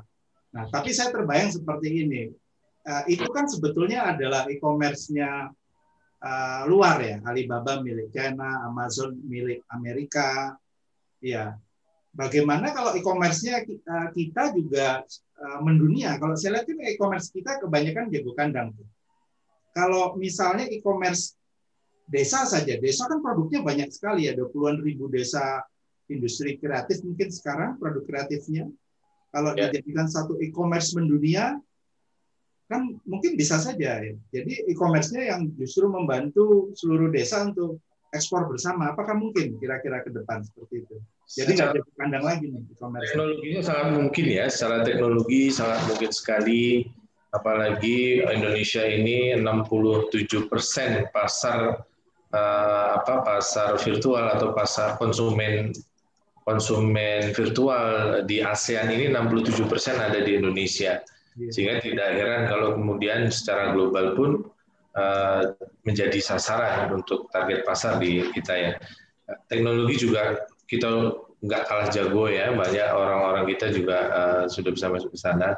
Justru yang yang menjadi penting adalah bagaimana kita keberpihakan uh, pasar itu sendiri, keberpihakan kita terhadap produk-produk kita terhadap apa yang dijual oleh tetangga, apa yang dijual oleh saudara-saudara kita, dan uh, salah satu yang saya amati adalah pengembangan berbasis desa ini masih menjadi satu narasinya masih narasi yang sifatnya lantah Pak Arvin mohon maaf kadang-kadang yang jadi contoh suksesnya misalnya adalah yang berwisata. Saya pernah masuk ke daerah di Jawa Tengah di mana satu kecamatan itu ada 57 desa. Kecamatan ini meminta dibantu untuk pengembangan BUMDesnya. 57 desa ini areanya sangat kecil kalau di, di Jawa Tengah ini sangat kecil sekali, satu desa kecil dan masing-masing desa punya BUMDes. 82 persen BUMDesnya itu mau uh, apa mengusulkan BUMDesnya unit usahanya adalah pariwisata. Bisa ya. dibayangkan dalam satu kecamatan 57 desa 82 persen uh, apa kecamatan kenapa tidak dibangun uh, berbasis kewilayahan misalnya dengan antar desa yang dekat kemudian berkolaborasi menjadi satu kekuatan lebih besar. Kalau semuanya menjual wisata nanti yang, yang jadi wisatawannya siapa gitu. Nah salah halnya dengan ini tadi Pak Arvin pertanyaan ini lama ya kita diskusikan. Kita ini bangsa yang besar, eh, konsum eh, masyarakatnya banyak ya, eh, lima besar di dunia. Lalu dari tadi dari sisi online ya pasar online kita ini terbesar di ASEAN 67 persen. Kenapa tidak? Nah ini barangkali keberpihakan kita saja, keberpihakan pasar, keberpihakan kita yang perlu diciptakan uh, uh, dalam kalau dalam aras kebijakan menjadi satu perlindungan pasar ya. Perlindungan ini bagaimana kebijakan di level desa sampai di level pusat ya bagaimana mengarus utamakan atau uh, keberpihakan terhadap produk-produk desa. Apakah sudah ada? Nah, kita bisa rasakan sendiri. Kalau perlindungan itu belum ada ya berarti desa desa desa akan berhadapan dengan raksasa raksasa besar UKM akan luar besar ya nanti hanya akan bagian kecil saja. Saya rasa tadi misalnya 57 desa tadi kan sebetulnya bisa menjadi circular ekonomi antara mereka sendiri kan. Iya. Iya. Kira-kira nah balik lagi ke tadi produk uh, Mbak Indah tadi protestik uh, silikon pasti uh, salah satu hal penting adalah SDM desa ya siap uh, dididik uh, dan berubah. Atau artinya dibutuhkan vokasi sebetulnya vokasi kepada desa. Nah mungkin tidak misalnya ya ini ini bayangan saya program, sekarang kan sekarang marak itu apa program prakerja prakerja. Mengapa kok uh, tidak program prakerja itu difokuskan kepada vokasi-vokasi khusus membangun desa industri misalnya desa industri kreatif. Jadi mereka yang the urban ke desa uh, kemudian diberikan vokasi untuk bekerja belajar dibayar belajar dibayar bekerja tapi habis itu harus membangun desanya nggak boleh kembali ke kota paling tidak kan mereka cukup belajar potensi kreatif yang ada di desanya saja atau potensi alam yang di desanya kan sudah cukup sebetulnya apakah mungkin sebetulnya kita fokuskan pengembangan vokasi desa bekerja. Ya itu sangat ideal sekali. sangat ideal. Momentum kan era momentum kan. Ya. Dan saya setuju, tapi ada prinsipnya bagaimana menggerakkan resources terutama pemuda di desa, momentum apa namanya bonus demografi apalagi ini ya. Boleh membangun, boleh di desa, boleh di kota membangunnya, tapi kalau menurut saya motivasi ini yang menjadi mindset dan motivasi ini yang masih jadi di kendala kita semua ya. Makanya prinsip yang tadi saya sampaikan di depan Pak Arvin, Gemah Ripah Jinawi ini harus jadi motivasi ya orang kalau mau tentram hatinya tentram pikirannya harus limpah dulu maka bagaimana ide tadi apa pun ide yang kita jadikan menjadi apakah itu vokasi pemuda di desa dengan mengolah sumber daya yang ada di desanya maupun membangun eh, satu desa itu menjadi apa namanya eh, pusat atau kompetensi tertentu seperti di Bali ini atau tadi saya ceritakan di Magelang ada di Gunung Kidul apa pun itu uh, untuk dasarnya adalah apakah itu bisa kemudian memenuhi uh, ripahnya tadi. Jadi kalau gemah harus ripah dan bagaimana ripah ini mungkin harus harus kita ketemu. Nah di situlah sebetulnya pengembangan desa ini tidak cukup kita bicara pemberdayaan, tujuan sosial, maka juga harus dikemas nih. Ini Pak Pak Dr. Ganjar ini ahlinya yang bagaimana mengemas ini menjadi satu kekuatan ekonomi sehingga ya tidak hanya sosial yang kita dorong, tapi bagaimana sosial, ekonomi, eh, artinya seperti Bu Indah juga harus harus mulai apa kemudian didorong bagaimana kita bicara manajemen bisnisnya ya, termasuk ini kan kategori bisnis sosial. Ya, gitu. Jadi uh, yang penting adalah juga pendidikan karakter ya daripada uh, pemuda desa tadi atau masyarakat desa itu ya. Mental dan mindset ini masih masih jadi PR kita bersama. Ya, terima kasih. Saya mau menyapa Pak Ganjar lagi, tapi uh, ya Pak Arvin. Pak Ganjar, tadi cukup ya. menarik bahwa uh, sebetulnya dibutuhkan connectivity antar desa. Bagaimana misalnya bahan baku uh, latex karetnya justru disuplai oleh uh, desa lain. Iya. Nah, uh, apakah uh, lebih uh, man, saya saya tidak tahu mungkin ya Pak Ganjar punya pendapat beda. Uh, connectivity antar desa saling membantu atau juga ada alternatif misalnya uh, industri uh, yang dekat desa ditarik ke desa. Jadi kan saya tuh kebayang bahwa sebetulnya sekarang kan masa depan ekonomi global ini adalah green economy. Ya, dan blue economy. Blue economy kan inovasi ya. Green yep. economy uh, kembali ke uh, alam, energi, renewable dan sebagainya. Kan itu semuanya ada di desa sebetulnya. Ya, uh, green economy itu dan industri kembali ke desa karena masyarakat desa sekarang banyak udah urban yang dulu sangat susah sekarang semua kembali ke desa gaya hidup juga kembali ke desa nah mungkin bisa dimanfaatkan oleh industri mendekat ke desa dan mungkin menjadi bapak angkat tadi. Ya bisa mungkin bisa uh, seperti itu. Ya, kira-kira uh, bagaimana? Karena uh, semuanya ada di desa kan? Energinya ada di desa uh, eh, SDM juga lagi uh, kembali ke desa. Ya apalagi kalau ditingkatkan dengan vokasi-vokasi tadi. Ya gimana kira-kira Pak Dokter Ganjar Ya, uh, seperti sampaikan Pak Cahya di uh, ya. itu hal yang sangat ideal sekali. Cuman memang butuh uh, masalah blueprint perekonomian kita nih jadinya. Peta jalannya itu. Ya. Iya, blueprint untuk level pimpinan untuk kepala daerah untuk bagaimana menata kotanya, menata daerahnya. Saya kira nanti akan menjadi seperti itu, Pak Arvin. Ya. Maka kalau diskusi yang seperti ini bagaimana membuat blueprint tentang perekonomian di daerah bisa jadi kita harus menghadirkan para kepala hmm. daerah nih diskusinya sebetulnya. Nah, tapi ya. ada yang tadi disampaikan oleh Pak Cahyadi, saya sangat tertarik dan setuju sekali uh, berkaitan dengan masalah dan tadi sampaikan oleh Pak Arvin juga uh, neighborhood marketing atau tadi circular ekonomi itu memang kemudian harus saling ada aktivitas untuk uh, apa kalau semuanya sama tidak ada diferensiasi maka kan tidak akan jalan ekonomi. Jadi harus ada diferensiasi untuk masing-masing kota, semuanya memunculkan hal yang berbeda dan bisa jadi nanti akan saling ada aktivitas untuk uh, membeli uh, bertransaksi dan ini sudah kemudian didiskusikan di Al-Qur'an bahkan Pak Arvin. Ya. Surat Al-Baqarah ayat 61 di situ disampaikan ketika umatnya Nabi Musa itu lagi manja-manjaan nih hmm. Nabi Musa. Dan ingatlah ketika kamu berkata, wahai Musa, kami tidak tahan hanya makan dengan satu macam makanan maka mohonkanlah kepada Tuhanmu untuk kami agar dia memberi kami apa yang ditumbuhkan bumi seperti sayur mayur, mentimun, bawang putih, kacang adas, dan bawang merah. Ya. Nabi Musa kemudian malah marah karena e, mereka kalau saya menangkapnya gini, pertama perlu usaha, tidak boleh kemudian kita hanya berdoa. Jadi harus ada usaha untuk melakukan sesuatu. Kemudian yang kedua adalah berkaitan dengan uh, jawaban Nabi Musa, apakah kamu meminta sesuatu yang buruk sebagai ganti sesuatu yang baik? Pergilah ke suatu kota, pasti kamu akan memperoleh apa yang kamu minta.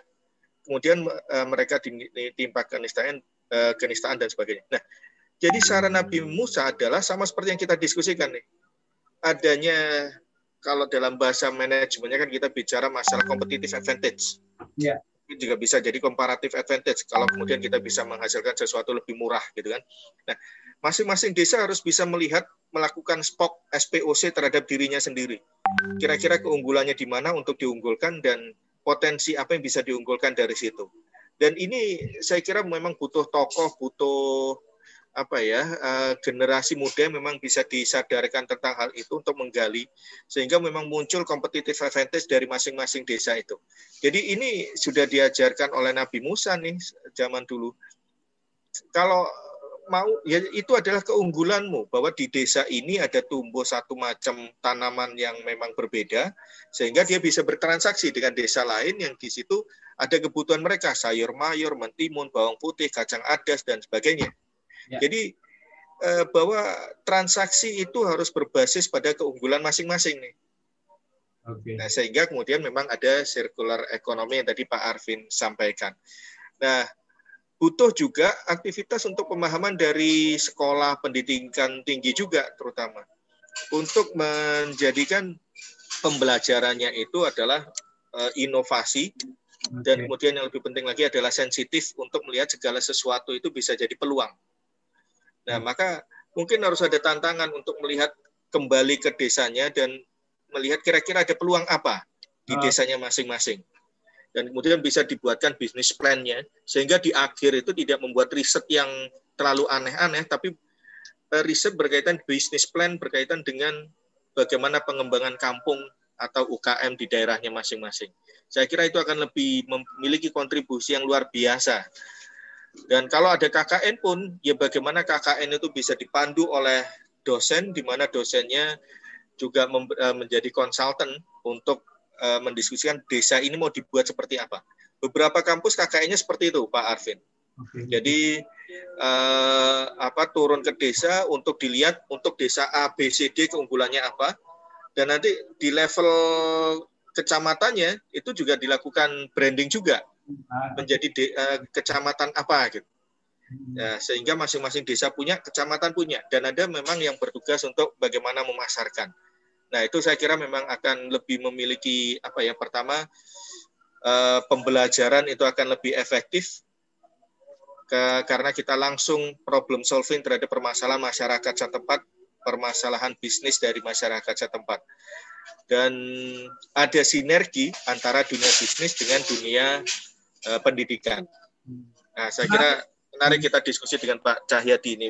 Uh, Tadi menarik ya, apa mahasiswa kuliah kerja apa kuliah kerja nyata mahasiswa Universitas Erlangga ya ditugaskan uh, pemirsa kerabat desa untuk menganalisa keunggulan komparatif di desa ya terutama kalau kita bicara keunggulan komparatif ya ada budaya tadi kan kreativitas histori desanya nah menarik uh, Pak Dokter Gancar karena saya pahami bahwa desa itu kan sebetulnya katakanlah misalnya masa panen. Masa panen itu kan paling dua tiga kali satu tahun kan. Nah kemudian anak-anak muda di desa itu setelah panen uh, apa yang harus dilakukan gitu. Kalau di, diberikan uh, kesadaran keunggulan komparatifnya kan akhirnya bisa membangun sesuai tema hari ini desa industri kreatif berbasis budaya ya mungkin tadi uh, keren ya bagaimana KKN Erlangga akhirnya bisa membuka uh, mata misalnya pemuda desa diberikan tantangan untuk membangun desa industri kreatif ya uh, karena menyadari apa tadi keunggulan komparatifnya tinggal bagaimana bisa kompetitif ya mungkin gitu ya maksudnya Pak Ganjar Iya, uh, jadi kalau di UNER ada apa KKN tematik namanya. Kalau yang KKN di tematik menarik. Iya. Eh, jadi dan kalau untuk di ekonomi itu kita ada mata kuliah kewirausahaan memang yang dia diminta untuk mencari sesuatu yang baru untuk dijadikan bisnis. Ya. Pak Ganjar mau apa? Ada yang ditanyakan ke Bu Indah? Ya, uh, ini berkaitan dengan produknya tadi. Kalau melalui online, kira-kira belinya di mana ya, Bu Indah? Ada ada toko nama toko yang bisa dituju atau Bollywood saja misalnya? Uh, sementara kita masih mau buat prototipenya dulu Pak Ganjar. Oh baru prototipe, oke? Okay. Ya uh, prototipenya dulu. Kita masih dalam taraf uh, istilahnya TOT ya ke masyarakat desanya dulu. Nanti habis dari sana baru kita kalau sudah terbuat beberapa contoh, baru kita marketkan. Ya online uh, dalam dan luar sih sebenarnya. Tapi kalau kita ke sana ada experiential uh, marketing di mana kita bisa mencoba membuat sendiri ya Bu Indah ya. Bisa. bisa, bisa banget. Karena nanti itu kan ada beberapa tipe nih. Kalau yang saya buat seperti ini nih seharian. Itu apa, Bu, Mbak Indah? Bu Indah itu apa? uh, ini tadi kalau, kalau di video tadi itu yang kita buat di video itu kan ada cara pembuatan lateksnya. Nah ini kayak semacam tulang, kayak ya? tulang rusuk gini. Oh tulang rusuk. Ya, ini ada tengahnya nih tulangnya seperti itu. Awalnya eh, sih warna masih... kulit gimana kalau Bu Indah? Ya, warna eh, kulit eh, apakah bisa menyesuaikan? Bisa, bisa banget. Jadi awalnya kan tadi seperti di video itu warna latex asli ya, seperti itu coklat, coklat, coklat muda. Nah, ini ini disesuaikan dengan karakter yang tadi kita buat kan kayak zombie gitu. Nah, jadi ini warnanya sudah berubah. Warna sesuai dengan kulit zombie. Uh, kulit zombie yang masih baru. Kalau yang zombie sudah lama kan dia warnanya agak hitam. Nah, jadi seperti itu. Nah, ini awalnya semua bentuknya itu warnanya coklat muda. Nanti baru disesuaikan dengan karakternya apa. Kalau misalnya kalau medical art itu ya disesuaikan dengan warna kulit uh, dari yang akan dipakai pemakainya ya. itu. Ukurannya pun nanti kita akan sesuaikan anak-anak sampai dewasa. Pak Pak Dokter Gancar kan sutradara ludruk juga nih Pak Dokter. Kira-kira bisa dipakai untuk ludruk nggak kira-kira ini uh, protestik silikon? Ya, uh, alhamdulillah dulu tahun 2013, 2014, 2015 kita memang pernah bikin ludruk. Jadi udah ada empat ludruk yang saya bikin cerita, saya sutradarai dan saya juga sempat main di dalamnya Pak Arvin. Ya. Dan saat itu kita memang memakai hal-hal yang sudah ada saja sih, yang kemudian bisa disewa. Uh, ya sebetulnya sempat terpikir untuk melakukan aktivitas masif, massal gitu, uh, apa ya ada semacam karena ada komunitas untuk zombie juga kan. Iya. Nah, kita inginnya ludruknya itu massal sehingga nanti ada zombie muncul dari uh, penonton dan sebagainya lah. Zombie tapi ya. Karena juga ada zombie ya. Wah, luar biasa. Iya, dan, tapi itu belum kesampaian lah. Dan di saat COVID ini menjadi tantangan bagaimana kita bikin lagi kayaknya agak sulit lah untuk ke sana. Iya, iya. Karena iya. tontonan kan bisa didapat dengan gratis untuk saat ini. Uh, pernah ada yang membuat ludruk di Balai Pemuda itu akhirnya ya tidak diperbolehkan karena menimbulkan keramaian kan. Kalau live nggak pakai live, live.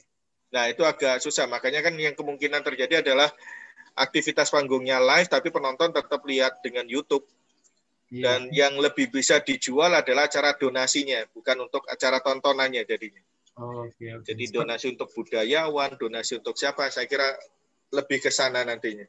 Iya, seperti kita hari ini kan tayang di dua satelit nih, Telkom hmm. dan Nusantara. Dari padahal kita duduk dari rumah. Sepertinya semua ya, ya. Betul. Ya. Betul, Pak. Era berubah. Menarik, menarik. Saya pengen nonton ludruknya tergancar kapan-kapan. Ya, uh, saya kira sekarang ya bisa di apa ada film-film pendek itu dengan adanya tile itu kan menjadi film pendek ya. menjadi bangkit gitu. Saya kira memang bisa dibuatlah untuk uh, penggunaan prostetik. Uh, jadi di apa ya di yang jelas adalah bagaimana pemasarannya nih. Ya. Kalau saya lihat sebetulnya uh, sesuai kebutuhan filmnya ya mungkin karena setiap film mungkin punya karakter zombie masing-masing katakanlah. Jadi bernya base apa tuh apa yang namanya based on order ya kira-kira. Ya saya kira uh, tadi menarik untuk memunculkan karakter lokal. khas Bali, khas ya. lokal. Jadi kita memang harus mengidentifikasi. Saya kira ini bisa bekerja sama dengan cosplay juga nih, karena cosplay itu kan juga dia biasanya membuat kostum dan ada kostum-kostum monster. Kita dulu pernah bikin acara seperti itu juga ludruknya. Jadi di acara ludruk itu uh, yang si tokoh utama Joko Sambang itu bisa menjadi Kamen Rider, sedang uh, apa, tokoh untuk yang jahat centengnya Belanda itu kemudian menjadi monster jahat. Wah itu namanya kita, kita kerjasama dengan cosplayer saat itu Pak Film budaya dunia itu namanya. luar biasa. menggabungkan timur dan barat Pak Arvin. Ya, dan, nah, saya ya. kira seperti yang diskusi kita apa sebelum-sebelumnya itu ada Bu siapa ya? yang kemudian menghadirkan masakan khas Bali digabung di, lokal uh, digabung dengan western. Nah, saya kira tokoh-tokoh eh, hantu, kemudian tokoh-tokoh apa monster, tokoh-tokohh mistis itu bisa kemudian dibuat gambaran-gambaran seperti itu juga dan kerjasama dengan cosplayer dan nanti ditawarkan untuk dan diikut sertakan acara-acara uh, kostum player juga tuh Pak Arvin. Iya, menarik, menarik. Nah, uh, Pak Ganjar nanti kita kembali lagi. Saya sapa dulu Pak Jayadi okay. dari Jogja. Nah, kalau bicara Jogja ini kan sebetulnya uh, gudang budaya ya. Pak Cahyadi? Ya, Pak Ya, tadi menarik uh, Ganjar ini Pak Ganjar, Dokter Ganjar selain seorang uh, dosen, ya doktor, tapi juga seniman. Saudara Ludro, ya saudara Ludro. Nah, kalau kita bicara high context uh, culture atau budaya konteks tinggi uh, leluhur itu kan sebetulnya gudangnya ada di Jogja itu. Ya Pak Cahyadi ya. Dan itulah bisa menjadi materi DNA storytelling yang disampaikan Pak Ganjar tadi. Nah, apakah desa-desa di Jogja sudah mengoptimalkan ini? Ya bahwa uh, budaya konteks tinggi yang dimiliki Jogja ini sudah menjadi materi storytelling desa-desa khususnya uh, topik hari ini industri kreatif uh, desa berbasis budaya. Ya, Jogja sendiri kebetulan saya ikut terlibat dalam tim memang mengembangkan dengan keistimewaannya itu menjadi desa mandiri budaya namanya Pak. Desa mandiri budaya. Okay. Desa mandiri budaya dan itu ada perdanya sendiri uh, turunan dari undang-undang keistimewaan DIY kan. Dan di sini memang uh, bahkan kalau di Sekolah Ekonomi Desa kami punya satu workshop pelatihan khusus bagaimana mengemas mengemas kalau kami sebut ya menjadi sebuah narasi ya. Kita sebut narasi desa. Dan masing-masing desa itu punya narasinya, uh, baik itu narasi asal usul, narasi kesejarahan, narasi potensi sampai kemudian membahas tentang bagaimana itu narasi pengembangan desa berkelanjutan. Nah, kalau kita, bicara tentu tergantung dari dari apa masing-masing ya. Misalnya kalau ke Jogja main ke pantai selatan itu uh, sempatkan main di Desa Murti Gading, narasi pengembangan Desa Murti Gading, Kecamatan Sanden di Kabupaten Bantul ya. Jadi uh, narasi yang berkembang bagaimana masyarakat di sana awalnya tidak percaya diri karena mau ke pantai itu ada desa yang lainnya jauh dari gunung ya. Merasa tidak punya apa-apa Pak. Kemudian eh, karena tadi bahwa yang sedang berkembang saat ini narasi yang dibangun adalah narasi tentang bagaimana wisata bagaimana kemudian bicara eh, teknologi gitu ya. Padahal sebetulnya ketika eh, apa ini dibangun saat sekarang ini Desa Murti Ganding itu menjadi eh, salah satu kemarin menjadi salah satu desa yang yang mendapatkan bantuan apa program program IDPEL ya apa sih eh, SEDPEL dari dari Mendes ya karena kekasannya sekarang menjadi desa wisata pengembangan UMKM. Okay. Ya, kalau bicara tentang objek wisata berbasis alam mungkin di awalnya yang dicari padanannya adalah padanan yang uh, pantai, gunung, kemudian danau dan segala macam. Tapi sesungguhnya sekarang uh, wisatawan asing ya sebelum pandemi datang ke sana bukan untuk melihat alam wisata alam, tetapi untuk melihat bagaimana seperti halnya di Bali ini atau tadi di, di Palembang ya, di sana ada makanan khas namanya uh, adrem ya. Ada makanan khas namanya adrem. Nah kemudian dari adrem ini ternyata tidak ada waktu itu dicari uh, tidak ada satupun yang bisa bikin adrem itu. Sampai kemudian bikinlah proyek untuk mencari orang di sekitar desa yang bisa bikin adrem, ternyata sudah sepuh, umur 72 tahun, diminta ngelatih ibu-ibu.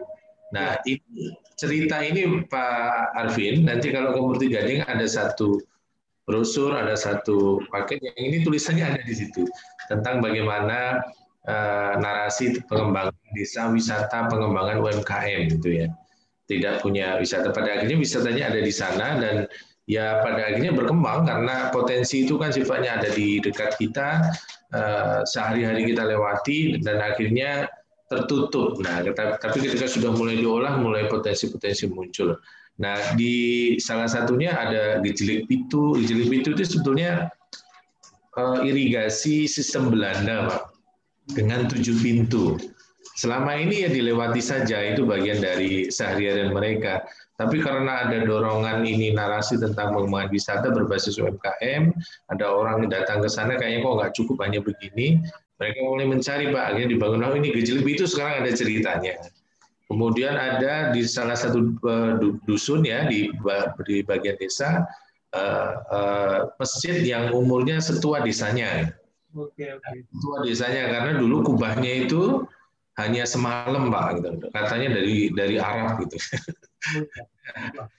Luar biasa ya sebetulnya dari basis cerita-cerita leluhur ini budaya dan menjadikan desa dunia ya dengan model cerita di situ tinggal kasih satu kata di depan, Pak. Konon. Konon. Selesai. Kalau ya. sekolah ekonomi desa Pak Cahyadi sendiri untuk ekonomi kreatifnya apa saja yang dilakukan eh, untuk pembelajaran masyarakat desa? Intinya kalau kegiatan ekonomi kita basisnya bisnis sosial Pak ya. Sosial. Sehingga uh, pendekatannya bisa berbasis pada kelompok kelompok-kelompok ekonomi produktif ya, macam kelompok tani, nelayan, ataupun tani hutan, bisa juga melalui BUMDes. Nah, kalau kami memahami ekonomi kreatif, basisnya tetap bagaimana pengembangan eh, apa ekonomi kreatif itu yang tadi saya sampaikan di depan ini tidak hanya bicara tentang digital, tidak hanya bicara tentang online ya, tetapi bagaimana mengoptimalkan ya. Kalau kita mau cari cara ya termasuk gastronomi termasuk uh, 17 subsektor yang ada sekarang di di apa ekraf ya. Di ekraf itu kita kembangkan dicari uh, kopi. Misalnya tadi yang saya ceritakan di Jambi sekarang jadi eksportir kopi serampas. Kalau kita googling kita cari tapi di situ ada kopi serampas. Tapi yang ekspor yang pameran di luar negeri bukan penduduk desanya Pak Arvin. Ya. karena kita tahu rantai nilainya Eh, ada kelompok tani, ada BUMDes, kemudian ada namanya PT Rimba Bungaron. PT Rimba Bungaron ini bisnis sosial di bawah KKI Warsi, itu lembaga LSM lingkungan yang dari awal mendampingi eh, suku Serampas ini, tapi KKI Warsi mendirikan PT yang memang khusus untuk menjadi marketing hub dari eh, apa namanya produk-produk ekonomi produk-produk yang ada di dampingannya termasuk kopi serampas ini. Menarik, menarik. Nah, tadi bicara kopi kan artinya kita membahas ini ya, apa produk agroforestry desa ya, bagaimana produk-produk desa ini menjadi produk kreatif kan di desa. Tetapi kalau ada cerita-cerita yang berlat, berbasis budaya konteks tinggi tadi atau cerita leluhur, nenek moyang desa itu kan kopinya bisa lebih menjual Betul. lagi kan? Iya. Atau uh, malah mendunia gitu. Ya, narasi narasi itu kan tidak harus bicara tentang sejarah ya bahwa ini agenda mungkin ya main narasi bagaimana uh, tadi ya green business itu sudah bisa menjadi satu narasi sendiri. Misalnya kalau di uh, Konawe Selatan di di apa di uh, Sultra ya itu yang iya. dibangun bagaimana uh, petani hutan bicara narasinya bahwa setiap meja yang Anda pakai ini uh, apa dengan teknologi uh, itu bisa dilihat bahwa meja yang kita pakai ini itu titik koordinat pohonnya di mana itu sudah bisa kita temukan di di Konawe Selatan kan dengan teman-teman koperasi kelompok tani di sana, eh, kelompok petani hutan di sana. Nah, narasi-narasi yang tidak harus bersifat sejarah, tidak harus masa lalu, tapi bisa juga membangun masa depan, baik itu konteks budaya, konteks apa namanya misalnya sosialnya ya bahwa satu produk ini atau satu layanan ini dibangun melibatkan berapa banyak petani, berapa banyak masyarakat bisa saja. Oke oke menarik menarik. Nanti kita kembali lagi saya uh, sapa dulu Pak Dokter Gancar. Pak Dokter Gancar. J. Ya, jadi uh, menarik dari Pak Cahyadi bahwa sebetulnya dari desa agroforestry ya, bagaimana produk-produk kreatif alam desa tadi, mungkin ada kopi, bahkan mungkin rotan pun jadi ya. Bagaimana bisa menjadi sebuah produk desa dan value akan meningkat lebih pada saat cerita-cerita di desa tadi akhirnya di embed istilahnya di ya di embed ya Pak Cadi di dalam produk-produk kreatif itu. Artinya dibutuhkan uh, tim juga ya tim kreatif untuk itu di desa ya. Betul betul Pak. Dan sebetulnya kalau berkaitan dengan masalah cerita ada bisa jadi muncul dari dua hal. Yang pertama adalah cerita yang sebenarnya dan itu dari hasil riset yang benar dari hasil penelusuran uh, sejarah. Tapi bisa jadi ada yang cerita yang buatan sendiri. Hmm. Saya pernah ada apa cerita di suatu kota nih dan saya tidak perlu menyebut nama kotanya dan di suatu tempat dikatakan ini loh tempatnya eh, apa seseorang yang kemudian kita kenal itu bertapa. Oke. Okay. Nah, langsung kemudian tempat itu menjadi semacam tempat keramat Pak, ramai jadi. Tapi bukan Pak Dokter Gancar yang bertapa, bukan kan? Nah, saya masih belum bisa bikin cerita-cerita yang seperti itulah karena ini nanti juga ada masalah etikanya nih seperti apa gitu kan. Tapi bukan hoax ya, bukan hoax. Iya. nah, maka kan kalau uh, cerita itu sebenarnya mungkin menarik bahwa ada apa tadi misalnya bahwa ini dibuat dalam satu hari, satu malam. Nah, tinggal believe it or not ya Pak Cahyadi ya. nah, yeah, itu yeah. bisa jadi beneran atau tidak. Nah, kita tidak tahu. Tapi yang jelas pengunjung itu punya sesuatu yang bisa dibawa pulang. Setelah foto-fotoan, kemudian ini saya foto di tempat ini, ini begini loh katanya dan seterusnya. Jadi kita bangsa yang suka bercerita tuh. Kalau hanya sekedar foto di sini, oh iya, cuman seperti itu aja jadinya. So what gitu kan orang yang melihat. Nah, maka memang eh, kita butuh sesuatu untuk diceritakan kepada orang lain. Nah, itu salah satu tugas pemasaran adalah seperti itu. Artinya lebih baik bahwa cerita itu adalah cerita yang sebenarnya.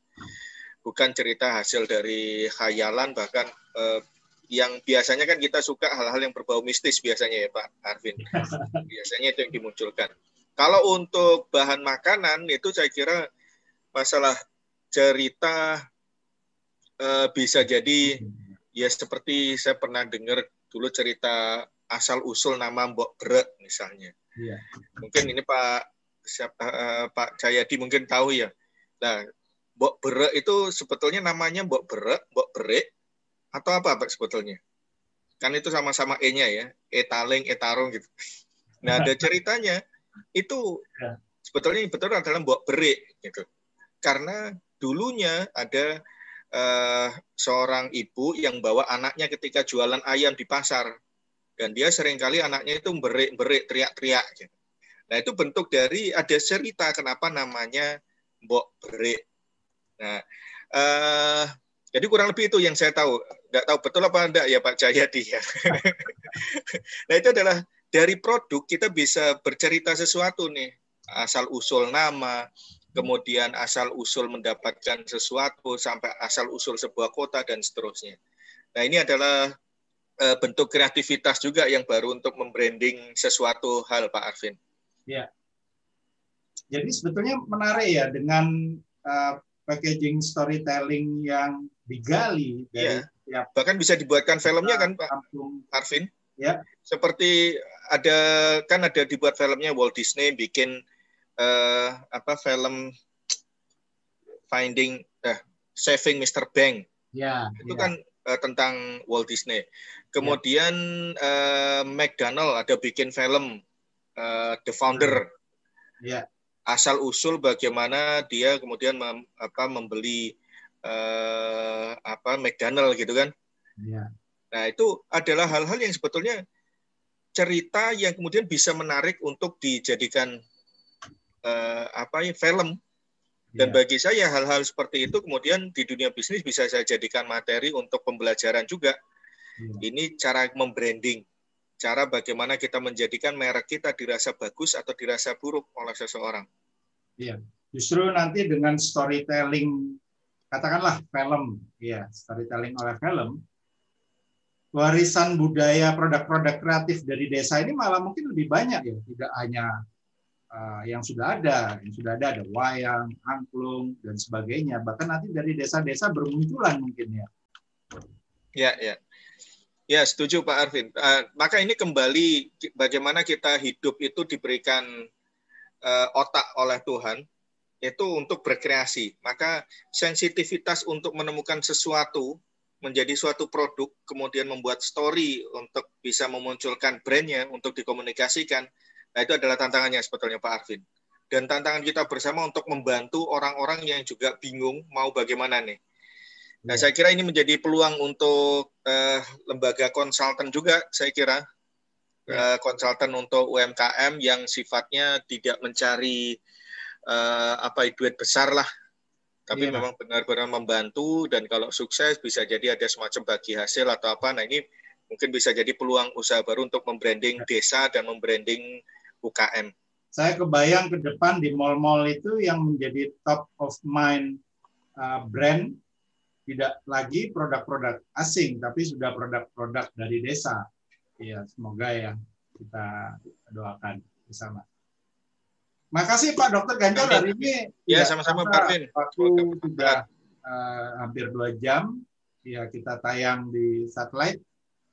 Kita Eh, ke Pak Jayadi dulu sekaligus saya ingin meminta pesan-pesan untuk pemirsa TV Desa dari Pak Jayadi. Eh, semangatnya Pak Jayadi untuk pemirsa TV Desa dan untuk Indonesia. Baik. Ini seperti yang. Saya Pak Arvin, Gemah Ripah Jinawi, nanti kalau di Padang ada sendiri ya. Eh, saya temukan di Bugis juga ada sendiri. Intinya Tuhan itu menciptakan kita lahir di desa, tinggal di desa, ya, menua di desa, dan kita harus yakin bahwa Tuhan itu sudah menghamparkan rezeki kita. Uh, rezeki itu kita sebut sebagai potensi, potensi itulah yang perlu kita buka. Jadi pada prinsipnya kalau kita mau mengubah ini sebetulnya uh, Pameo di Jawa ini ada terusannya kayaknya Gemah Ripah Loh Jinawi Toto Titi Tentrem Kertora Harjo inilah tujuan kita bagaimana uh, Kertora Harjo menuju masyarakat yang sejahtera itu harus Toto Titi ya harus harus di dikelola sehingga tidak tidak cukup kita diam harus dikelola Toto Titi ketentraman tadi. Nah untuk tentram tadi ada ini Pak gambarannya kalau mau tentram pikirannya tentram hatinya ini kita perlu pastikan ripah juga nih perutnya harus kalau mau tentram harus makmur. Nah, bagaimana cara makmur? Eh, nenek moyang kita, eh, eh, leluhur kita memberikan salah satu pembelajaran adalah uh, dengan cara loh jinawi uh, mengoptimalkan apa yang sudah dihamparkan oleh Tuhan di sekitar kita itu bukan sebuah kebetulan ya. Uh, kalau lahir di Bali lahir di Palembang lahir di Papua itu sudah bukan kebetulan. Pasti Tuhan punya rencana tinggal bagaimana kita sebagai manusia itu bergerak untuk mengoptimalkannya. Begitu Pak Arvin? Wah luar biasa Pak Cahyadi terima kasih terima kasih. Bu Indah silakan pesan-pesan untuk kerabat desa senusantara. Ya, buat uh, pemirsa TV semua, para kerabat desa, pemirsa yang ada di semua di seluruh Nusantara. Uh, di masa pandemi ini hanya satu saja pesan kita. Semua mengalami eh, masa-masa uh, yang uh, agak agak muram gitu ya kalau di pandemi ini, tapi tetap kita harus bersemangat karena Allah Subhanahu wa taala itu sudah berfirman, apabila satu pintu tertutup, maka pintu-pintu yang lain akan terbuka. Jadi, tetap semangat, kreativitas tetap ditingkatkan dan mari kita bersama-sama uh, menjaga dan mengajak semua uh, agar kuat melewati masa pandemi ini. Itu aja sih Pak Arvin dari ya, saya. Amin. Terima kasih. Bu Indah, makasih. Ya, uh, Pak Dokter Ganjar Cak Gancar dari Surabaya, silakan pesan-pesan kepada kerabat desa dan pemirsa senusantara. Yeah. Baik, terima kasih Pak Arvin. Jadi perubahan yang kita alami saat ini belum se ekstrim perubahan yang dialami oleh nenek moyang kita yaitu Nabi Adam dan Hawa, Siti Hawa, bahwa beliau berdua turun dalam mengalami perubahan yang sangat luar biasa, sangat ekstrim, 180 derajat kondisi surga dengan kondisi di dunia. Uh, yang di dunia itu bahkan bisa jadi tidak ada pelatihannya di surga. Bagaimana cara hidup di dunia. Sehingga kita sebetulnya belum mengalami perubahan yang se ekstrim beliau itu. Maka tantangannya adalah bagaimana kita tetap untuk menggunakan apa yang sudah dipersenjatai pada otak kita, semangat untuk e, menggunakan otak kita mencari hal-hal baru, berkreasi dengan apa yang ada di sekitar kita. Insya Allah semoga kita semua sukses dan dimudahkan untuk menjalani apa yang kita harapkan, kita cita-citakan, dan dijauhkan dari segala musibah dan bala. Sukses selalu untuk semua, Pak ya. Arvin, Bu Indah, Pak Cahyadi. Wah, luar biasa. Terima kasih. Pak Dokter Gancar, terima kasih. Luar biasa wejangannya. Terima kasih. Kerabat desa yang budiman tidak terasa waktu uh, sudah hampir usai. Hari ini kita uh, mendengarkan langsung dari uh, para narsum para narsum yang luar biasa berbagi pengetahuannya kepada kita. Kita mendengarkan bagaimana roadmap membangun sebuah desa industri kreatif berbasis budaya.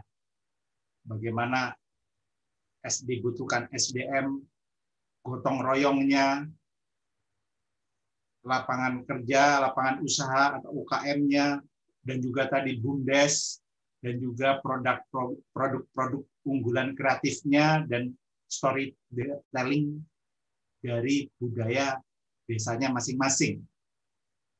Dibutuhkan sebuah terobosan dan inovasi terus-menerus di era transformasi saat ini.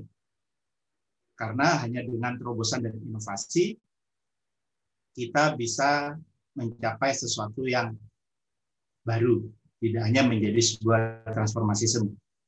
Kerabat desa yang budiman, sampai jumpa di Talk with Arvin minggu depan. Talk with Arvin bukanlah hanya sekedar acara tayang TV, adu ilmu para narsum, yang ujungnya hanya berpotensi menjadi perpecahan masyarakat, meski berating tinggi. Namun Talk with Arvin adalah sebuah acara tayang TV merangkai ilmu para narsum menjadi solusi dan berbagi pengetahuan kepada masyarakat. Merajut pengetahuan dan budaya bangsa. Sampai jumpa di Talk with Arvin episode selanjutnya. Wassalamualaikum warahmatullahi wabarakatuh. Om Santi Santi Santi Om. Salam sejahtera, salam kebajikan, namo budaya. Terima kasih kepada seluruh narsum yang luar biasa hari ini berbagi pengetahuan kepada kita. Sampai jumpa.